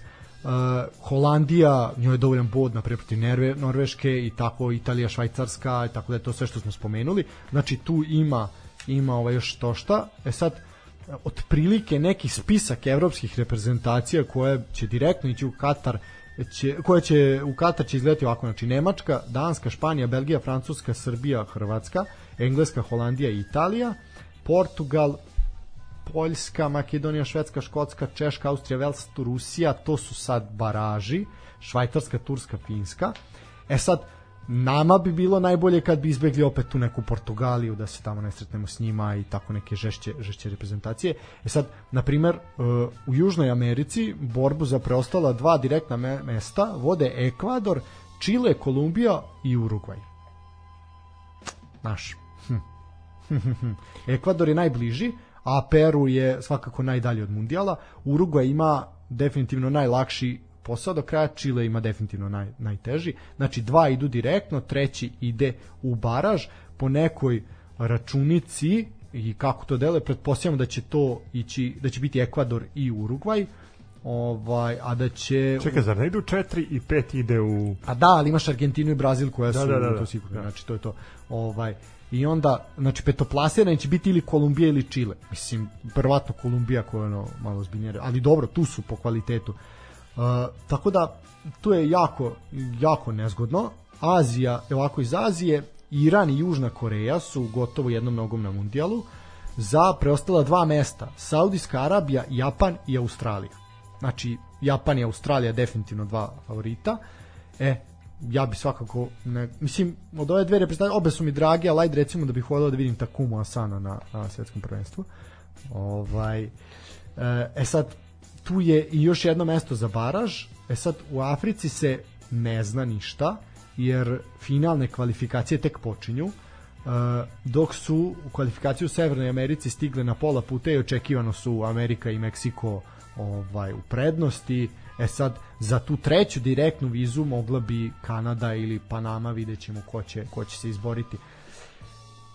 E, ovako, znači prvi šešir za mundijalski žreb bi u ovom trenutku izgledao ovako. Katar, Belgija, Brazil, Francuska, Italija, Engleska, Argentina i Španija. Dragi moji, koga biste vi? Katar. Katar, be, ubedljivo to. Ali vidi, dva puta nas pogleda Katar, mislim da je teško. Tanja. Pa nekako najslabije deluje ta država. Pa dobro da, a šta ćemo ako dobijemo Brazil, Francusku, Pa, Italiju? dobit ćemo batine. Da. A dobro. Druga, drugi šešir, Portugal, Meksiko, Danska, Holandija, Nemačka, Švajcarska, Uruguay ili Kolumbija. To je sad, jel, zavisnosti ko, ko prođe. Znaš kako sad razmišljam, ne, nama je možda bolje da nam se padne neka evropska selekcija Bolje, definitivno, da. nego ove južnoameričke. Pa znaš da se s njima nismo baš provodili ni sa tim afričkim, ono, od Gane Pa. smo gubili i tako nešto, da, prilično, uf, Mada nas je Australija dokusurila, ali dobro. Australija, da. Pa i, Pa i to, to je svetsko prvenstvo, znaš kako. No, nema, da, tu sad nema traži lakog protivnika, mislim, mora se izaći pobediti. E, sad ovako, a- sastav Ako trećeg... kaniš pobediti, ne smiješ izgubiti. Tako je. E sa sastav trećeg šešu, šešira, znači Urugvaj, Kolumbija, Hrvatska, Srbija, Iran, uh, jedna od evropskih selekcija iz baraža, Švedska, Vels, Poljska i tako dalje, i jedna ili dve afričke selekcije ako se plasiraju Senegal, Maroko, Alžir i na kraju Južna Koreja. Znači to je to je naš šešir. Uh, ne znam, da. Po vidi, mislim, definitivno je čast da budemo tamo, a sad, ono, ne treba baš ni da prođemo kod te 2006. ono, da nas nalupavaju, a light kao, ono, Ali to je futbol, da nek da svi igraju. a da, vide, mislim, ono, definitivno će biti, bit će zanimljivo, ajde, nadamo se da će biti praznih futbala, a ono, znaš kako uvek, nekako uvek priželjkujemo prvenstvo bez naše reprezentacije, bar mi, jel, koji ga pratimo fanatično, da bi uživali opuštenije u tom futbolu, onda bi se manje nervirali. 98. si imao Holandiju, Da. 2006. si imao Argentina. Argentinu, pa si 2010. imao... imao Ganu i Australiju. Australiju, pa sad si imao Švajcarsku. Ovaj Možda je vreme da prođemo u grupu. po vidi, bilo bi bilo bi zaista fino. Ali dobro, vidjet ćemo. Vidi ima do ima ovaj ima do toga još još jako jako jako puno. Dobro, Pa skoro godinu dana, tako. Pa da, mislim pogotovo što se igra u zimskom, u zimskom periodu, onako vidjet ćemo kako će to izgledati. Mislim, ok, tamo će biti leto, ali igra se u pauzi sezona. Da li će Znaš. biti Jokićen grad? Kad smo toga, Novi Sad je već okićen. Pa znam. Ne znam. Znali smo da, da, da Beograd okite u oktobru zbog, da bi privukli turiste, znaš, Bugare, pa sad razmišljam kao, znaš, da će Katar da okiti grad da bi privukli turiste i dodatno navijače na Mondijal. Vidiš, o, to, o tom marketinškom triku nisu razmišljali, ali jeste neko drugi, ali dobro. Nećemo sad o tome. Svakako, nama preostaje to da, da ispratimo našu reprezentaciju i nekim drugim takmičenjima, između ostalog i Liga nacije i, i kvalifikacije Da. za evropsko prvenstvo, pa polako, stepenik po stepenik do mondijala. Pa dobro, e sad e, kad smo kod toga i kod te priče, e, izašla je naravno odmah, odmah izađe statistika, a, a to je da je Dragan Stojković Pixi jedan od najdominantnijih selektora u istoriji. Kaže ovako, od raspada SFRJ i sankcija, naša reprezentacija pod imenima SRJ, SSCG i sad samo S, ovaj, RS. RS ili SR nje, ovaj, je uh, odigrala 13 kvalifikacionih ciklusa. Za to vreme promenilo se 20 selektora i jedna selektorska komisija. Sećaš se to, to, Da, tog ovaj, vanserijskog poduhvata. E, ovako, samo jedan nas je vodio u dva kvalifikaciona ciklusa. A to je uh, Ilija Petković. Dvojica su bili Pokojni Ilija Petković. da, ovaj, zaista legendarni. Dvojica su bili privremena rešenja bez takmičarskih utakmica, Ljubinko Drulović, zvani Repstacija, i Ilija Stolica, koji je vodio na onoj legendarnoj turneji, sećaš se sa početka naše karijere u podcastu, ovaj, gde se žalio na se- visoku travu i se da, katastrofa. Po, inače, igrali smo protiv Jamajke, ono 0-0, niko nije ni šutno okruga, kad jeziva jedna predstava. Uh, e sad, Uh, znači Dragan Stojković je definitivno najuspešniji uh, Radomir Antić je odmah tu po nekoj lepoti iza njega što se tiče procenata uh, 66% uh, pobeda ima Pixi u 12 utakmica. Iza njega Radomir Antić sa 60,71 Slobodan Santrač sa 60,46 to su jel, te kvalifikacije za svetsko prvenstvo. Uh, preko 50% ima još Slavoljub Muslim 53,33 a svi ostali su ispod 50%, a najgori su Dik Advokat, Miroslav Đukić i Milovan Bata Đorić, koji nisu ostvarili ni jednu pobedu. Računaju se i takmičarske i prijateljske prijateljske utakmice. Kako ne pogledaš reprezentaciju i selektore koji su vodili na nekim bitnim kvalifikacijama takmičenja kako god uh, eto, svi se sećamo Radomir Antić i po njemu je reprezentacija stvarno dominantno otišla na svetsko prvenstvo tamo smo doživjeli to što smo doživjeli ali opet to je bio tada veliki uspeh obzirom da znamo kako smo imali ekipu imaš Krstajića koji je bio 2018. instant rešenje odjednom na, na klupi Da. a Sad ne bi čulo smenimo Pixi, odvedemo opet Krstajića. e pa tamo je ostao bez posla pa, da, pa da, ono, ili Lalatoviću damo posao, znaš, ovo kao, nije isključeno uopšte. Uh, E sad, uh, ono što se obično zamera našoj reprezentaciji to je da protiv, uh, e sad, po znacima navoda, protiv reprezentacija iz top klase, elitne klase, slabo odigra. Znači, po znacima navoda top klase. E sad, Pixi je i to uradio. Znači, pobedili smo elitnu reprezentaciju, to je reprezentacija Portugala. E sad, uh, Santrač je pobedio Češku, koja je u tom momentu bila vice šampion Evrope, ali ipak to nije, nije ta klasa. Ovaj, e sad, Muslin je dva puta remizirao sa Velsom, znači ništa. Uh, Boškov je dva puta remizirao sa Hrvatima, ok, bili su dramatični mečevi. Petković je jednom remizirao sa Italijanima, dva puta sa Špancima. Antić je remizirao protiv Francuske, izgub, jedno izgubio. Znači, Clemente je dva puta igrao nenešano protiv Portugala, Krstajić je jedan put. Znači, uh, Pixi je čak i u tom poljetu uspeo da promeni nešto u našem mentalitetu i da ipak pobedimo nekog ko je zaista za klasu iznad nas. Slažem se, znaš kao, uh, slušao sam izjavu nekog od nekih sportskih radnika koji rekao kao ova generacija ima pobednički mentalitet. Uh, kad pogledaš da u toj reprezentaciji imaš uh, prvake Evrope i sveta u mlađim kategorijama, kad imaš ljude koji igraju neku značajnu ulogu u nekim futbalskim ligama, uh, ti imaš okosnicu s kojom može da radiš. E sad, kod nas je bio taj problem koji se vuko već dugi niz godina i to ocrtavao se na samopouzdanje. Imali smo to sa, sa Ljubišom Tumbakovićem gde se videlo da, da, da neke stvari jednostavno nisu na terenu takve kakve bi trebalo da budu. Imali smo situaciju eto i sa, sa Krstajićem na, na, na svetskom prvenstvu. Znaš, kao, a, vidi se taj neki naboj. Ono što sam ja čuo, a vezano je za našu reprezentaciju, je da je Stojković reprezentaciju doveo u tu situaciju da su svi homogeni, da svako svakog podržava i da pravi tim. Znači, on je svoje znanje predodredio timu i ja mislim da u tome može da napravi neki ozbiljni uspeh. E, Sama činjenica da smo se plasirali na mondijal jeste veliki uspeh, ali ne bi bilo loše da počnemo da razmišljamo sistemski o tome da eventualno zadržimo Stojkovića jedan duži period, pa da počnemo da pravimo neku priču vezanu za taj kontinuitet. Ja kažem opet, bitan je kontinuitet, jer nas nije bilo 20 godina na evropskom prvenstvu. Na mondijalima Put smo... bili kad je Pixi bio igrač. U, jeste, upravo to. Na mondijalima nas ima, pojavimo se, ali stvarno Dobro, bi bilo vidi, dobro sad- da, da krenemo to- da, da, da ređimo dobre rezultate. Ja, stvarno, je. imamo igrače koji zavređuju pažnju, imaš e, tog Sergeja Milinkovića Savića, imaš a, Vlahovića, imaš generaciju e, igrača koji dolaze, koji su poprilično e, talentovani i stvarno možda je vreme da da ova reprezentacija napravi neki uspeh, zato ja verujem da eto možda na mondijalu oni mogu da da prođu tu grupnu fazu. Pa dobro, ajde, mislim, dosta tu sad zavisi i od te neke trenutne forme i kakvi oni budu, ko bude povređen, ko ne bude povređen. Sećamo se da, mislim da je Nemanja Vidić da se nije povredio ovaj te 2006. ko zna šta bi bilo, pa sad isto 2010. šta bi bilo, šta ne bi bilo da je Krasić ono promaš, nije promašio i tako. Mislim sad to sve naš, mora tu dosta da se da nismo igrali rukom 160 puta u ono naši kad god odu na svetsko prvenstvo odjedanput pomisle da su odbojkaši ono pa dižu ruke ono da smečuju lopte.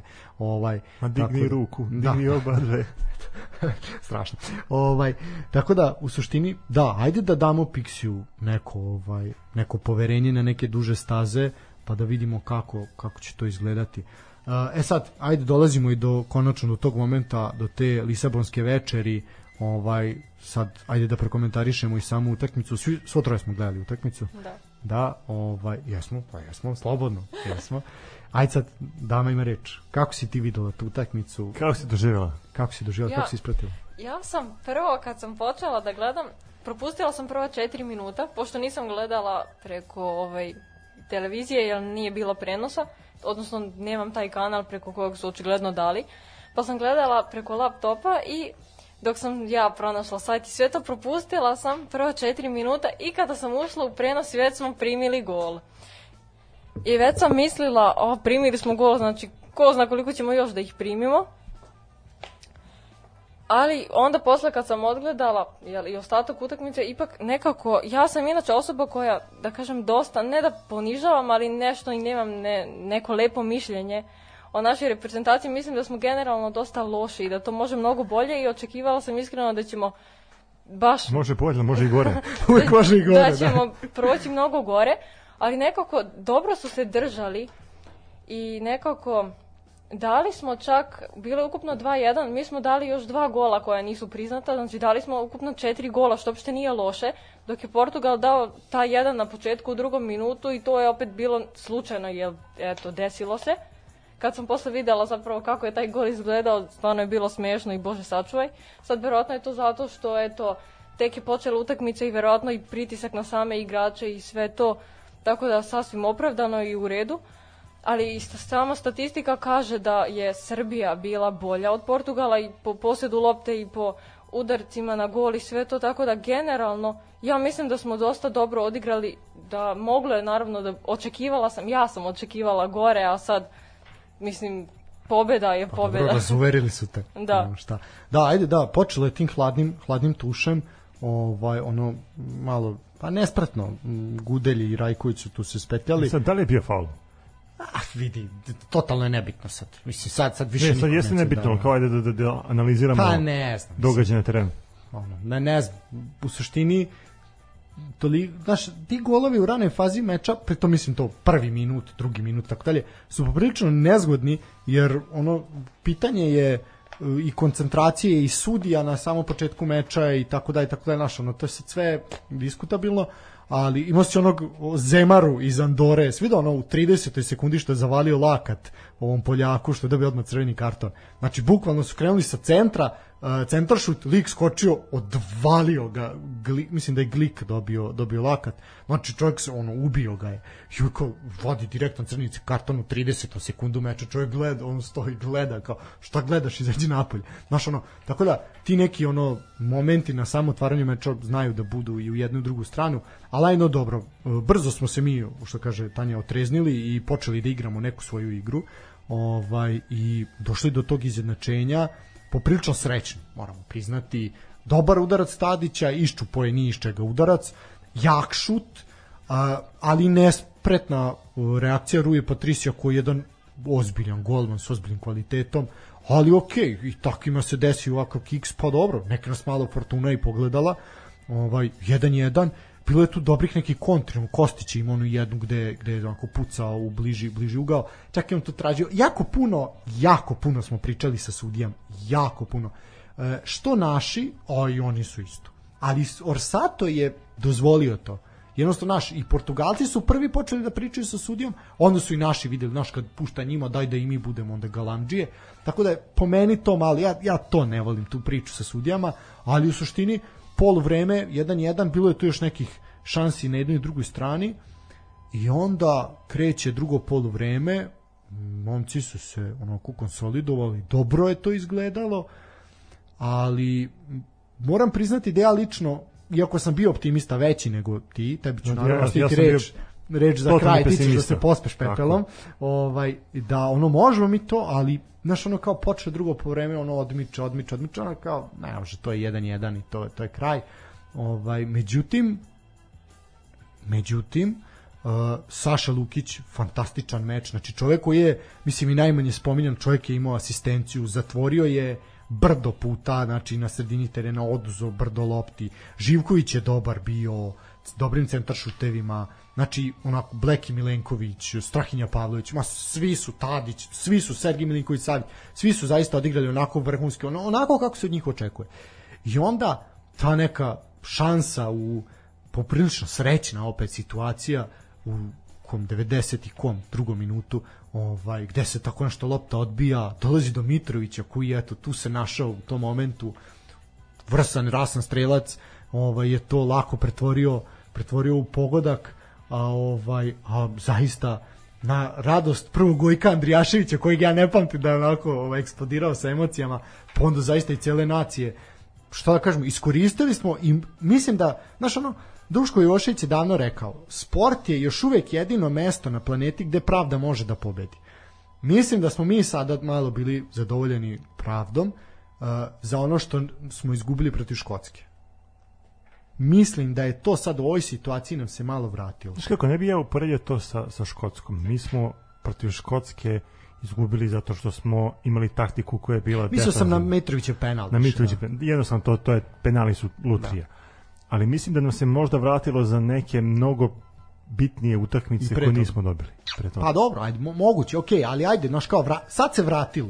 Sad se vratilo i vratilo se u najbitnijem momentu. Znaš, ono kao, uh, sva, prvo Mitrović je uh, najbolji strelac reprezentacije u istoriji. To smo mu čestitali i drago nam je zbog toga, zaista je dečko na mestu.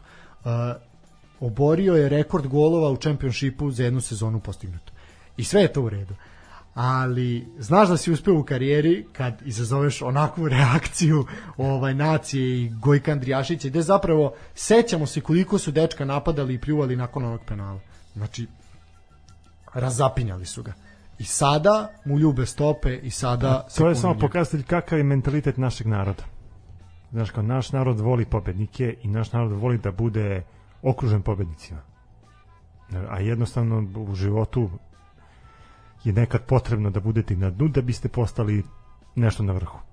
Tako da mislim da je to vezano za, za Aleksandra Mitrovića svakako najbolji napadač, možda ne najbolji, ali najefikasniji, kog je to Srbija imala. A, mislim da je dobro što je to, što nas je odveo na, na, na mundijal i, i na njegovom ličnom planu, jer vidimo da polako na, ne bih sad rekao na zalasku karijere, ali mislim da da je već onako pri kraju neke barem reprezentativne karijere. mislim da, da, da Vlahović i Jović se poprilično dobro nameću, Pogotovo Vlahović. pogotovo Vlahović, da. Pa vidi, na primjer, onaj ko stvarno jeste pri nekom kraju reprezentativne karijere, makar tog zenita futbala je Tadić.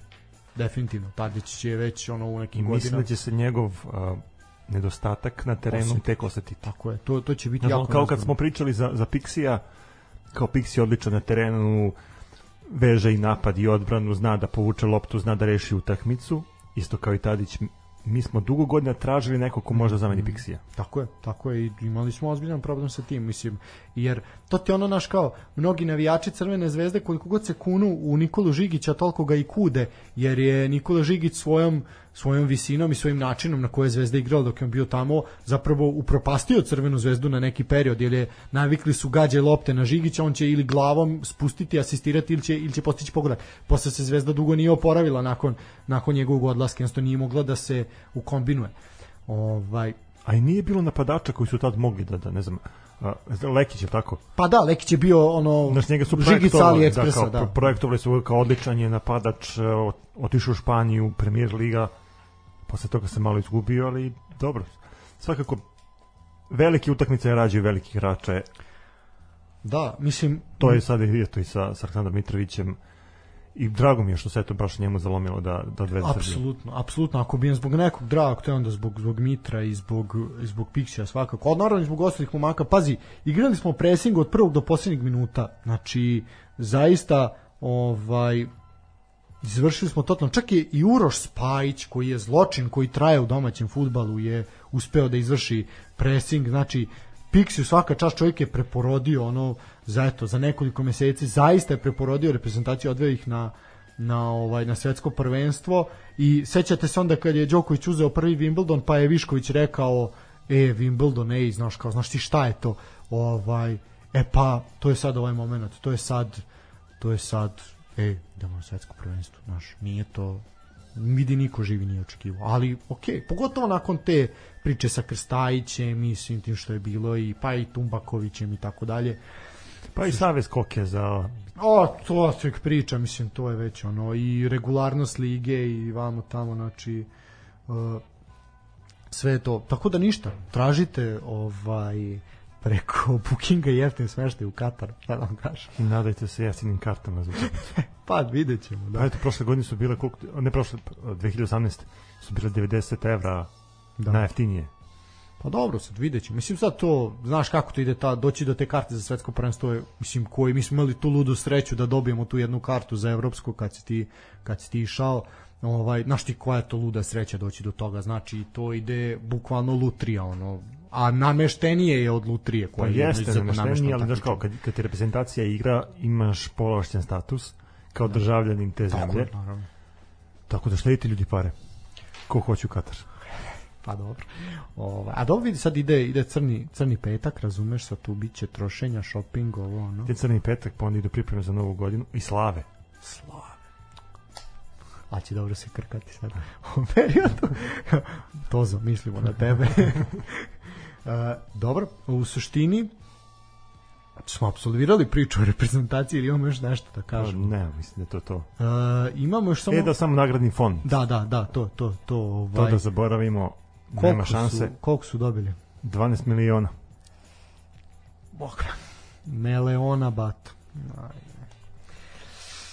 To je, to je sad Pazi, sad imaju kredit- Saveza. da. sad imaju kredit Od, zapravo da- od f, ove FIFA. Da, da, FIFA, da. Sad imaju kredit da možda pozajme vladi Srbije koji je milion pa da im vrate. Da, da, da, da, to bi bio velika, velika ova ironija života u ovoj državi. Dobro. E, ajde da možemo i eto sad krici odjeci slavlja, a to je da je futbolski klub Radnik ovaj Draganu Stojkoviću u čast kao vid podrške Orlovima oslikao veliki mural na svom stadionu. Ovih dana su murali izuzetno popularni u našoj državi. Neki se gađaju jajima i farbom, neki se brane životima, a evo jedan koji će se svakako poštovati. Znači, e, na stadionu radnika na popularnoj, popularnoj bombonjeri u Surdulici imate Dijega Maradonu i imate pored njega Dragan Dragana. Stojkovića Pixija. Tako da, ovaj, Eto, oni su uz poruku, to je osvanulo inače pre, pre same odlučujuće utakmice i rekli su nadamo se da će naš južnjak, selektor Dragan Stojković Piksi posle Katara držati isti ovakav pehar u rukama, živela Srbija, idemo u Katar.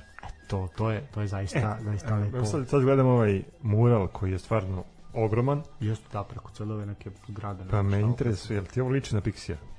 Ne. Meni liči na, na Boška Đurovskog. A, a ozbiljan sam. A da, jeste, je, jeste, u pravu si. Kad bi se Boško Đurovski ofarbo, isto bi ovako izgledao. Ne mogu da verujem. Da, joj, bože. Da, ovaj, sad ovo me, ovo me podsjetilo za nešto. Danas je 15. novembar, danas je svetski dan borbe protiv dijabetesa. Na današnji dan pre ravno 100 godina je otkriven insulin, hormon bez kog zaista ne bi bilo života ovaj u našem organizmu. E, eto kao naša akcija i dalje traje do kraja novembra. Ovim si me fantastično podsjetio. Pošto ovo ko je radio definitivno ima problema sa vidom. Ovaj ono tako da definitivno nek nam se javi, a i svi vi naravno e, ko želi da se proveri, ko sumnja ili ko ovaj već zna da ima nažalost neki problem, uh, preventiva je najbolji najbolji lek, javite nam se u inbox preko Facebooka, Instagrama i Twittera da eto zajedno s našim drugarima iz specijalne oftalmološke bolnice Elixir uh, sredimo neki pregled preko sportskog pozdrava da eto sprečimo dok ne bude kasno da eto vam se vid potpuno ne zamuti i onda te morate slušati radio prenos u Katar.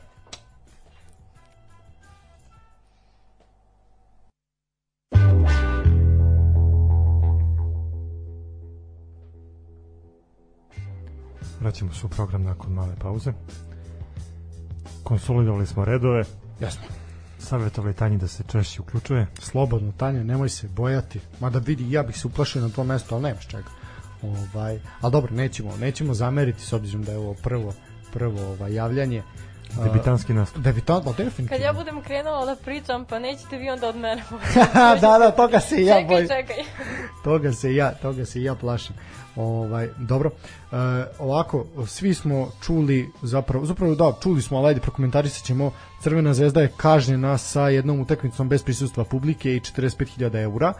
E sad da li je to blaga kazna ili ne ili je trebalo žešće sad mišljenja su podeljena s obzirom da je čovjek ozbiljno nastradao uh, ajde okej kazna je takva kakva jeste Ne, svi smo očekivali novčanu kaznu, ali Pa dobro, ja sam iskreno očekivao stadiona. zatvaranje stadiona, bi mislim s obzirom pogodili ste nekog u glavu, mislim neko je debelo nadrljao ovaj zbog zbog vas. E, no dobro, e sad krici i odjeci te kazne. E, znači Crvena zvezda neće moći da dočeka Ludogorec uz prisustvo publike, znači u tom petom kolu grupne faze Lige Evrope. E, e sad, e, protiv Kairata je bilo dozvoljeno deci pristupa, e sad e, ovoga, ovog, ovog puta to neće biti, znači totalno je zatvaranje, nema čak ni dece. E sad, s obzirom da su e, navijači u velikom broju obezbedili pakete karata za mečeve Crvene zvezde pre samog početka grupne faze, Zvezda je odlučila da se revanšira svim navijačima koji su kupili karte, tako što će zvezdaši dobiti karte za jednu ili više evropskih utakmica njihovog kluba na Rajku Mitiću. Znači, šta to znači? Da će dobiti verovatno za onaj tamo, jel, kad se prođe grupa, pošto će se proći, ovaj, da će dobiti dobiti ovaj sad da li će to biti ista vrednost karata ili veća ili već sad to će oni vjerojatno nekog ukompenzovati, ali znači eto svi da ne plaču koji su ovaj kupili karte, osim što su pomogli a, svom klubu, eto imaće zvezda će im se revanširati korektno. potez uprave Crvene zvezde. Pa nema šta, mislim, to, to je Jednostavno neko rešenje moralo- moralo da se nađe, Tako je. ali eto ostaje žal velika za, za podršku sa tribina, Tako je, e sad, pogotovo kada znamo da da Zvezdi nedostaje malo da da obezbedi narednu fazu, odnosno evropsko proleće. Pa da, u suštini e, dosta što se tiče reakcije navijača Zvezde, u suštini e, najviše njih traži da se otkriju vinovnici, znači ko je kriv, e, jer je sad ovo već, on nije prvi incident, imao si vređanje Ibrahimovića, imao si sad ovo, znači ima se njih, dajte, okrivite nekog, daj nek neko snosi posledice za ovo, jer sada zbog nekoliko pojedinaca će ispaštati e, pravi verni navijači plus i sama sa, sama ekipa jel ostaće bez u ključnom meču za prolaz dalje ostaće bez podrške ali dobro šta je tu je e sad bilo je incidenata i na večitom derbiju u košarci E sad, vi ste ispratili taj meč, ja to nisam gledao, tako da ću vama prepustiti reč. Moram da priznam da nisam ni ja ispratio. Aha, ali eto, Tanja, znači spala je knjiga na Tanju, da čujemo Tanja, kako si videla košarku? imaš dva slobodna bacanja. košarku. Pa- Dobro, ja prvo dosta dugo nisam zapravo ni pratila košarku, zapravo Zvezdu sam pratila jako dugo 2015. i 16. kad je bio onaj Dream Team.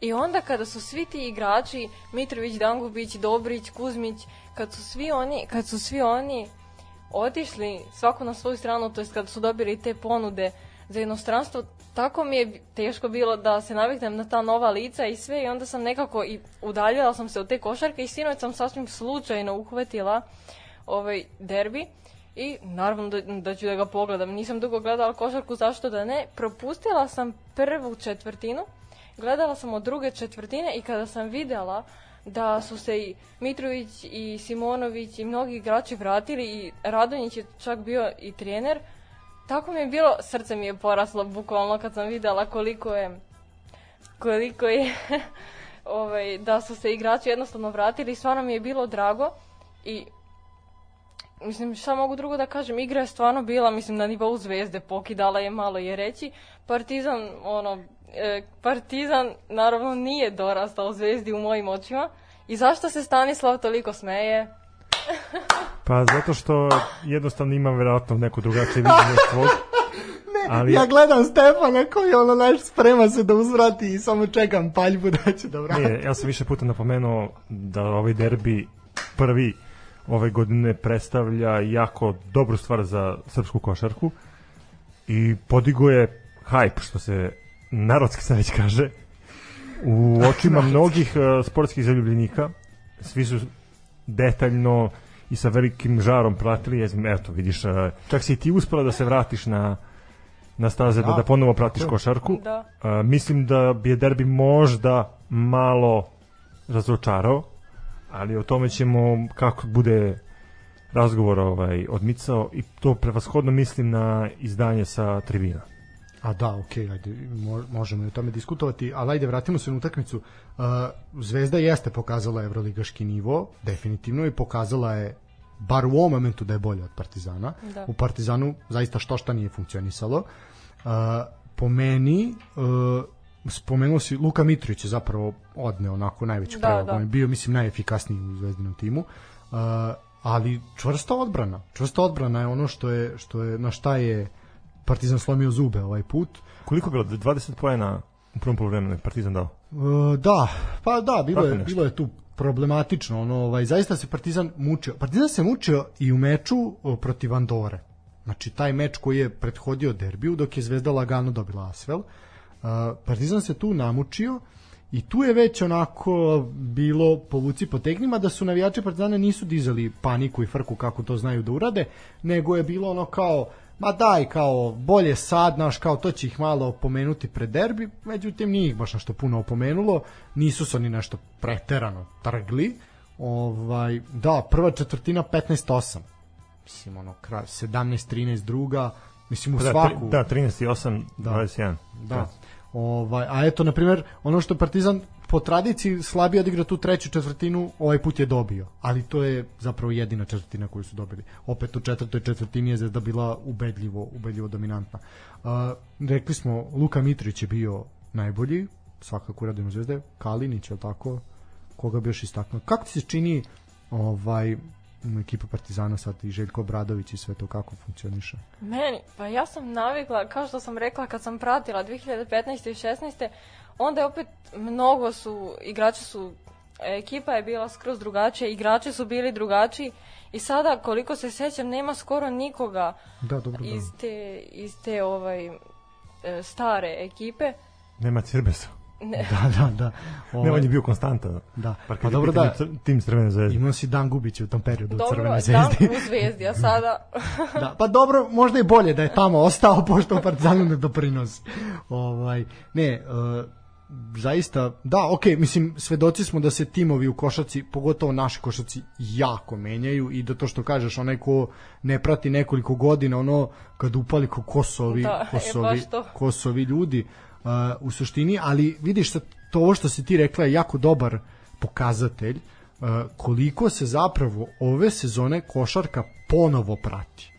Znači ljudi koji su malo se onako upali u neku monotoniju i malo to postalo dosadno, jer se igra milion i 800 hiljada utakmica u toku godine, više ni oni ne, znači prošle godine su odigrali 60 utakmica u Euroligi, e, znači vidi niko živi više ne gleda to, jer niše nikog ne zanima, jer ono stalno igraju jedno, mislim nema neke draži i želje u svemu tome da se gleda, jer ono svaki treći dan se igra.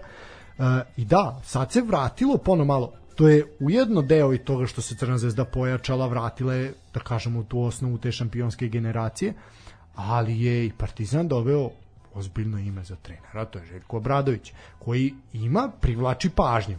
Znači, on je jedan ozbiljan trener, ne ozbiljan, najozbiljniji u Evropi, ovaj, i on ti privlači pažnju samim tim. Imaš tu priču da se ove sezone košarka više prati i pod većom lupom je javnosti. Pa kvalitet je definitivno na strani košarke u odnosu na, na, na futbol. Da. O, definitivno. Dakle, kad vidiš da ti je uh, igrač koji je prošle sezone bio u NBA-u došao u našu ligu, ajde, da se izrazim ABA, pa naša liga, kako god, ovaj, da imaš povratnike, reprezentativce, da imaš prekaljene igrače, i stvarno to utiče na, na podizanje interesovanja, bar kad je u pitanju košarka. I stvarno mene raduje to. I raduje me i taj uh, naboj kada je u pitanju odnos između Crvene zvezde i Partizana ali samo dok je god uh, sportski i dok je taj rivalitet na, na terenu, zdrav rivalitet. E, dobro, tu si sad napravio odličan šlagvort, sad ajde ispričaj šta se, šta se desilo. Pa mislim, imamo, videli smo stalno da, da, znači, bilo i gađanja i pljuvanja i svega što ne bi trebalo da bude. To je opet uh, taj neki tradicionalni folklor koji je prisutan i na, na futbalskim i na košarkaškim uh, priredbama, ali u jednom momentu stvarno treba da, da znamo i da to može da donese neke određene sankcije i jednom i drugom timu. Pritom, eto, Zvezda je bila domaćina ovog puta, nekako mi se čini da, da su opet napravili propust u, u organizaciji, ali eto, to je neko moje mišljenje. E, Ja bih volio da, da, da čujem Tanju više, jer je ona ispratila utakmicu do kraja. Ja sam uhvatio, znači, zadnjih možda četvrtinu, dve, ali eto, ono što mogu da kažem je da uh, utakmica je imala svoj intenzitet, uh, Zvezda je to i dobro otvorila, bilo je nekih momenata kada je Partizan probao da se trgne, bilo je situacija gde je Partizan došao na minus 5 uh, sa onih dva slobodna bacanja koja su mogle nešto da, da preokrenu, da su realizovane, eto nije toga došlo, Zvezda dala gas i na kraju sasvim zasluženo privela utakmicu uh, kraju. Šta reći, ovaj, eto, Obradović je bio nezadovoljan, mislim da je izjavio čak i da je, da je probao sve da, da uradi, ali eto, nije uspio da trgne svoju ekipu i ekipa Dejana Radonjića je zasluženo slavila u derbiju.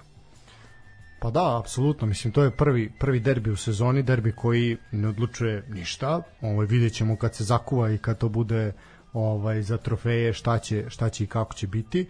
Ali da, ajmo sad to uh, naravno da se pojavilo vređanje vređanje na tribinama i da je to onako nažalost jedan uh, folklor uh, koji Pa, nije primeren, definitivno Pa nije primeren. definitivno da nije nije tome ni ni ovaj ni vreme ni vreme ni mesto ovaj ali dobro šta sad šta je šta je tu je ovaj pokušao je Dejan Radonjić da to malo smiri strasti da malo spusti publiku međutim baš i nije nešto posebno uspeo u tome ono nastavilo se to Pa, celu utakmicu. kontraefekat je uvek takav. pa Znaš, da, kao da, da probaš da, smiriš, to samo još više doda, Ovaj. dodaje ulje na vatru. Tako je. A sad e, imali smo nažalost onda tu sliku da je Željko Bradović morao da izađe sa terena tako što su ga ono što ga je štitila žandarmerija, što je isto poprilično porazno, ovaj moram priznati.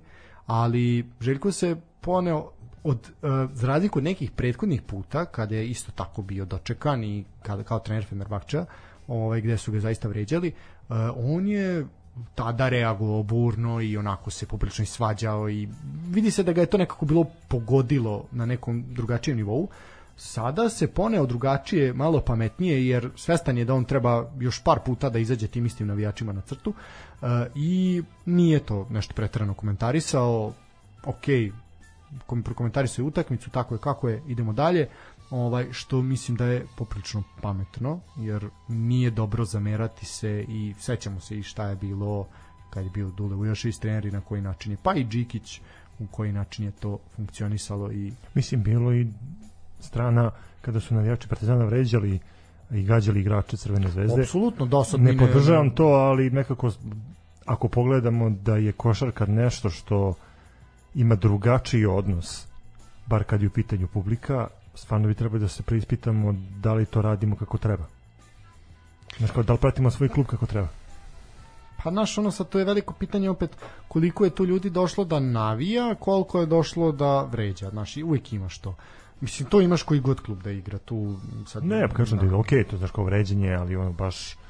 Pa konstantno, ono, celu utakmicu, da, svakako. Uh, što i uvijek mi to bilo interesantno, kao kako možeš da posvetiš, ne znam, 40 minuta vređanju protivničkih igrača, trenera, Da. protivničkog kluba, a ne podržavanju svojih igrača. Znaš, kao to mi onda baš nekako ide u patologiju, moram da priznam. Tako je. Slažem se, apsolutno se slažem s tobom. Uh, što se tiče, ajde, rekli smo ovaj malo da prokomentarišemo igru i Crvene zvezde i Partizana. Mitrović je bio najefikasniji, njega je pratio Kalinić, znači Mitrović ima 16 pojena, Kalinić 14, Dobrić ima 15. E, to su jedini dvocifreni što se tiče pojena e, u Crvenoj zvezdi. U poraženoj ekipi Partizana najefikasniji bio Smajlagica 15 i Mur je ubacio 14 Uh, niko drugi nije prebacio 6 poena, znači Zagorac 6, uh, Panter 6, znači jako, jako dobra odbrana Crvene zvezde je upravo to i pokazala i dala rezultata da je to momci nisu uspeli da postignu ovaj poen. Uh, u suštini šta da kažem, prvi derbi apsolutno zasluženo ide Crvenoj zvezdi, a vidjet ćemo onda dalje, dalje šta, šta i kako će čekati naše momke. Ono što svakako treba napomenuti da je to viđeno jedno iznenađenje da je Mega Basket izgubila od Igoke sa 79-63 što onako po meni malo i neočekivano. Ali no dobro, šta sad, duga je sezona i mislim da će to ovaj se svakako sesti sve na svoje mesto što se tiče tabele uh, ABA lige ovaj Crvena zvezda je sada prva, mada ima isto bodova koliko i Partizan i oni imaju znači po 7 pobeda i jedan poraz, zato i Partizan više nije a, neporažena ekipa. Treća je budućnost sa 6-2, isto toliko ima, isti skor ima i FNP. Što se tiče naših predstavnika, još tu je Mega Basket na devetom mestu sa 3-5 i Borac iz Čačka je 11 sa razlikom 2-6. Uh, Borac je to prošle sezone bio onako poprilično iznenađenje, ove sezone se pati. Uh, dobro, imate još, Tanja, imaš još nešto da kažeš o basketu ili manje više to to? Nema. to, to. Pa apsolvirali smo da nema nema tu šta posebno. E, možemo kratko prokomentarisati rukomet i da završavamo ovo naše e, druženje. E, u suštini e, odigrano je nekoliko zanimljivih duela od kad smo mi prošli put pričali o rukometu, a to je da je e, u derbiju kola, a to je svakako bilo u Šapcu, uh, Vojvodina savladala metaloplastiku sa 22-20 u jednom meču gde je metaloplastiku onako jedno vreme čak i, i vodila, ovaj, ali eto ipak Vojvodina ostaje na sedam pobeda, imaju taj jedan poraz, to je nanela Crvena zvezda, Vojvodina igrala je, da kažemo, jedan lokalni novosadski derbi sa Jugovićem u Kaću, po, prilično ispunjena hala u hram jel, u Kaću, Jugovića je bio ovaj dočekao šampione i zaista jednoj prelepoj atmosferi je Vojvodina slavila iako su se poprilično dobro držali momci u plavom iz Kaća, ali Vojvodina je zaista pokazala kvalitet. E, Dinamo iz Pančeva je savladao Crvenu zvezdu sa 31-25, Dinamo ostaje na drugoj na drugom mestu tabele i Radnički je u Kragovicu savladao Obilić sa 25-23, Radnički je četvrti i ako bi se ovaj liga sada presekla, oni bi otišli u taj play-off. Što se tiče devetog kola u grupi B, e, Partizan je gostovao u Nišu Železničaru, pre toga je bio u mokro, protiv Mokre Gore u Novom Pazaru, i pobedili su na oba ta duela i imaju osam pobjeda i jedno nerešeno ono protiv proletera u Zrenjaninu. E, što se tiče ostalih rezultata, Šamot je dobio Mokru Goru sa tri razlike, 28-25, Rudar je bio ubedljiv protiv Spartaka 34-25 u Kostolcu, a Dubočica iz Leskovca je u Leskovcu pobedila Proleter sa pet razlike 35-30, poprilično efikasno kolo, e sad to pokazuje da se odbrana baš i nije nešto igrala, nego ono, gledali su da pobegnu od duela. Distanca. Distanca, da, socijalna. Ovaj, što se tiče tabele grupe B, Partizan je tu prvi, sa recimo 8-1, Dubočica je druga sa 8 uh, pobeda i jednim porazom, znači samo za bod manje od Partizana. Šamot je treći sa 12 bodova i četvrti je Rudar sa 11, a ti ćeš nam Stefane još za kraj reći E, pre nego što odemo na, na, na, na kraj, ja bih htio sam da iskomentarišemo, Slobodno. eto, pričali smo o velikom povratku Željko Bradović u srpsku košarku, ja bih htio da, da i, ovaj, iskažem jedno veliko zadovoljstvo i interesovanje povratkom a, Dragana Škrbića u Crvenu zvezdu. Ok, A, Dragan Škrbić je došao na, na mesto predsednika kluba, ako sam dobro shvatio, i nekako Zvezda mi u ovim trenucima izgleda poprilično dobro kada pogledamo da imamo Žigicu Milosavljevića za trenera i da imamo a, Peruničića za sportskog direktora. pa da, legende su tu. A, čovjek koji je bio proglašen za najbolji igrača sveta po izboru a, ovaj, internacionalne a, rukometne federacije svakako zaslužuje poštovanje i ja se samo nadam da će eto i njegov angažman u srpskom rukometu doći do te e, mere da, da, da populariše ovaj sport e, kako medijski tako i preko sponzora a između ostalog i, i na, na nove naraštaje koji će krenuti da treniraju ovaj sport Stvarno, mislim, poprilično bombastična vest i eto, još jednom pozdravljamo ovakvu odluku Dragana Škrbića i rado me da, da, se mogu da ga, da ga da- vidim na, da. na tom mestu. Pa dobro, mislim, Zvezda ozbiljno, ozbiljno je pristupila ovoj sezoni, pojačala se dobro, sve ono što zaista nije štimalo prethodne sezone su gledali da zakrpe i da uklope. Ovaj, a ja te samo za kraj pitam kako je mladost prošla, ovaj naš naši dragi ovaj i voljeni. Naš O. dragi voljeni klub sa, sa satelita, odnosno novog naselja, je danas ovaj, igrao još jednu utakmicu u sklopu prve lige Srbije, igrali su protiv ekipe Zlatibora i moram da kažem da se nisu proslavili. Kiksnuli su na domaćem terenu i pored eh, vođstva na polovremenu od 2:1. 2-1, na kraju su poraženi 3-2, znači prelaz Mhm. iz keca u dvojku. Ono što je, pa kažem, možda malo zabrinjavajuće jeste to da je mladost u drugom polovremenu nekako izašla defanzivno, što je ekipa Zlatibora iskoristila i sa dva pogotka odnela bodove iz Čalareva. Kada pogledamo trenutnu situaciju na tabeli, ovo možda nije ovaj veliki udar za mladost, ali izgubljeni bodovi su mogli da da na kraju možda i, ajde ne bi sad da, da, da, da idem toliko daleko, ali uh, mogli su da naprave ozbiljnu razliku i da se između ostalog, uh, ozbiljnu razliku između treće plasirane ekipe, a i da naprave korak ka korak bliže ka, ka Inđiji, koja je danas eto volšebno kiksnula od rada rezultatom 4-0. To mi, je, to mi je baš onako iznenađenje kola. Da, mislim da, Indija je ostala na 40 bodova, na prvom mestu mladost je druga sa 34, Žarko, Žarkovo je treće, eto sa 32. Da, Žarko je dobio loznicu. Da, 1:0. Žarkovo je prišlo, Javor je igrao nerešeno i sad je na 30 boda, na bodova četvrti, koliko ima i mača koja je koja je peta, eto, srpski championship se zakuvala. Mogu da ti kažem, stvar- stvarno zanimljivo takmičenje. Ovaj, ali eto, e, pratit ćemo to i dalje. Ono što je interesantno je to da se posle reprezentativne pauze vraćamo na superligaški, prvoligaški futbal i me to baš raduje. Jako. Pozdravljam uspeh uh, futbalske reprezentacije, ali ipak... Ali mi je drago što nema više reprezentativne pauze, znači dosta više, ono će se ubiti, upadam u depresiju svaki put kad bude reprezentativna pauza, bez obzira što smo se plasirali na svetsko prvenstvo, ali zaista padnem u depresiju, ovaj, to znaju moji najbliži. A ostalo je za kraj da najavimo kolo, i odigramo humanitarni tiket, sad ta, Tanja ne znam da li si to videla, ali mi imamo taj kao tu rubriku humanitarnih tiketa gde pokušavamo kao da nešto pogodimo pa da uplatimo to humanitarne svrke, za sad još nismo ništa ostvarili, ovaj, ali dobro. Pa znaš kako, blizu možda, blizu možda bi trebao predsjednik da nas poseti i da nam da podršku pa da, da nešto i osvojimo.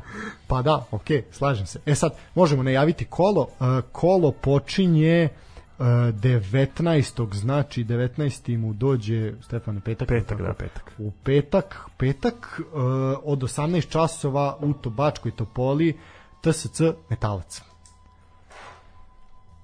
Evo ovako, definitivno pobeda TSC, mada ono što me u nekim momentima i, i nekako vuče na, na, na, utakmicu jeste to što je metalac eh, pa ja kažem igra promenljivo sad već i volio bi da vidim ovaj, neki da kažem malo veći broj golova pa nek bude kec i 3 plus Dobro. Hoćeš i ti Tanja da učestvuješ s nama? pa ne mora, mora ako Pa moraš postala, sad tu, odnosno ako je da. na probi u sportskom pozdravu mora i da da proba da, da, ovome, da. da ukusi sreću Znači šta kažeš, TSC, uh, Bačka Topola znam da si išla da gledaš Vojvodinu i Zvezdu, znači malo pratiš domaći futbal. Da. Uh, šta ovaj možeš da očekuješ eto na novoj TSC areni dolazi Metalac koji i voli da igra otvoreno šta možemo da očekivati Pa, bar mi kažete ko bolje igra. dobro okej znači uh, da pa sad vidi pa ništa bacim novčić Baci na oči. Pa da, mislim u suštini, pa i mi tako lupimo, pa bude što bude. U suštini, uh, TSC i Metalac su ovako sad kad bi ja morao da nekome ko ne prati da objasnim, jedni i drugi igraju otvoreno, jedni i drugi će napadati ovde, jednim i drugima treba pobeda ovde i ja verujem da će ovde biti golo, ja se slažem sa Stefanom, ja ću odigrati ovako oba tima daju makar po jedan gol i tri ili više golova ukupno. Imaš neku predstavu?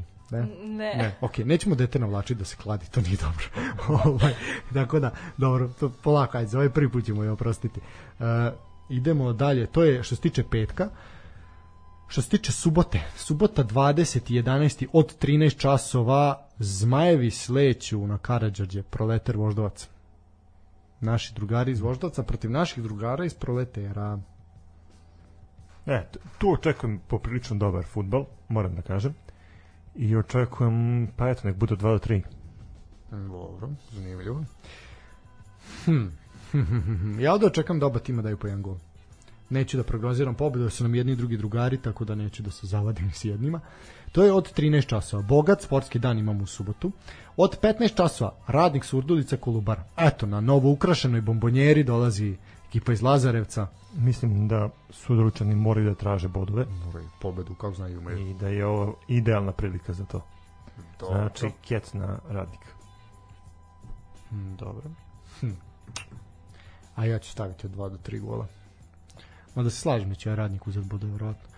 E, od 17 časova napredak u Kruševcu dočekuje radnički iz Niša. Derbi, ja? pa jest, u neku ruku. O, ne šta. ti Dobro, bar ne idu daleko. Tu su blizu. Pa dobro, da. Kruševac Niš.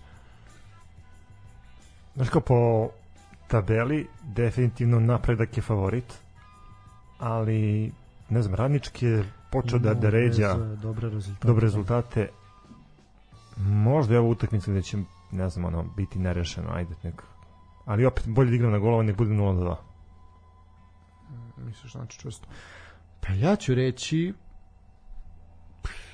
ajde ovako x2 dupla šansa. Dobro, to je što se tiče subote. Nedelja, 13.30, opet matine termin, u Lučanima mladost dočekuje crvenu zvezdu.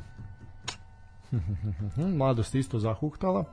Pa jeste ali tu je Zvezda apsolutni favorit Dobro. pritom Zvezda uspela da smanji bodovnu razliku u odnosu na Partizan Tako je. i mora da nastavi u tom ritmu tako Kako- da kako ništa osim zvezdine pobede se ne dovodi pitanje Dobro, kako si odsečeno rekao. Uh, ja ovde očekujem da gost da dva ili više pogodaka. Znači ja se rešio ozbiljno. Uozbiljio sam se, moramo ovaj put mo, ovo se mora pogoditi ovo kolo. 21. 11. od 15.45. dobro, to je nedelja Da, to je ne, isto i ovo je nedelja. Od 15.45. Kakav je termin u 15.45? Partizan Vojvodina. Pa posle ručka. Ma daj. Kren, kreneš ručak u jedan, završiš u dva, Ma kreneš neću, polako na utakmicu. Na koju utakmicu je pitanje? Partizan Vojvodina. A derbi Ao, dobro, kola, derbi kola, jebote, stvarno. staviš u 15 do 4, kakav je to termin nedelju? Nema, mislim, ja iz nedelje u nedelju se razočaravam arenom, ja, ja ne znam, ono, kako oni šopaju te, te termine, on se ih baci u pasulj, mislim, šta radi? Ne znam, kriminalno. Ajde, ne znam, ajde reci šta. Pa ništa, tipa na pobedu Partizana. Mislim da je Partizan definitivno kvalitetniji tim, ali eto, kiksnuli su prošle kolo protiv proletera, možda i Vojvodina može da im parira, Mhm, Pa pa da- ponovo presesti na pa da na kraju novostođenje im dođu u glave, ali mislim da Partizan na, na, na ovoj utakmici mora da, da, da dobije. Tri, ja ću staviti 3 plus. Uh, od 17 časova Spartak Subotica Radnički Kragujevac. E, to je utakmica interesantna. Mm, da, tu može biti poprilično interesantno s obzirom da je Radnički iz Kragujevca ime novo, novog trenera Kiza Milinković. Vratio nesuđeni, Kiza. nesuđeni ovaj trener Kolubare, čovjek koji ih je uveo u, prvu, u Superligu, eto nije dobio šansu da ih vodi. Bivši trener Partizana će sesti na klupu Radničkog. Ako sredi svoj mini val, možda sredi Kragujevčane. Šta imaš protiv frizure Kiza Milinkovića? Pa nije kao A dobro čovjeku to lepo, unique lepo što bi- nosi. unique što lepo, bi rekli Englezi. Da, da, pa lepo to nosi, evi, ne može tako. Šta kažeš do utakmice? ja sam Spartak. Dobro. Uh, hm. Ajde ako. Oba tima po golu. Od, to je 21. E sad, to je bila nedelja. U ponedeljak od 15 časova, opet, bravo, svaka čast. 15 časova, radnim danom, ponedeljkom, Čukarički Novi Pazar. Isto odlična utakmica. Brutalna utakmica u kretanskom terminu. Pa ništa šta. Stavi, Stavi, stavi. bar ćemo ispratiti premisi. Pa. Da, ovo se lepo rekao, pa ćemo biti protiv emisije. Pa da, nećemo Imaćemo kompletirano kolo kad Pa dođemo u da, studiju. aj kao ono, u svakom zlu ima nečeg dobrog. Šta kažeš? Pa ništa, tipu na pobedu Čukaričkog. Dobro. Nekako sam zaredio svojim kečevima. Jesi, brate, sve su kečevi sami, ali dobro, ajde, ne veze. Vidi, ti si igrao manje više tako, fikseve, ja sam gađao golove, pa aj sad vidimo, možda ćemo tako, možda tako pametnije bude. A Čukarički, ja ću reći, Novi Pazar, domaćin daje dva ili više. Eto, dobro. U suštini, ja mislim da ovaj put ako ne dobijemo, da ono, ne znam zaista kada ćemo, vrlo nikad. A, to je to, mislim da sve smo rekli, Tanja, hvala ti što si bila ja prvi da se zahvalim. Uh, nadam se nije bilo jako strašno. Svakako, Nije bilo. svakako ovaj debitanski nastup, sve je u redu, bila si dobra, sve ovaj stiglo je par poruka da si ovaj dobri, da treba se opustiš da, nam otmeš reč, što i mi isto mislimo. Ovaj tako da ti ja zahvaljujem, naravno mi ćemo se družiti ponovo. Ovaj a od mene toliko, Stefan imaš reč. Eto, ja opet da se zahvalim Tanji, eto što je se pridružila ovom sportskom kolektivu. Nadamo se da ćemo u narednim izdanjima biti bolji, da ćemo nekako krenuti da se da se uigravamo. Takođe, eto, apelujem da, da ispratite sportska dešavanja koja idu ove nedelje, koja će biti i za vikend. A mi se svakako vidimo u narednom terminu, ponedeljkom od 19h. I do tada ja vam želim prijatno veče i sportski pozdrav.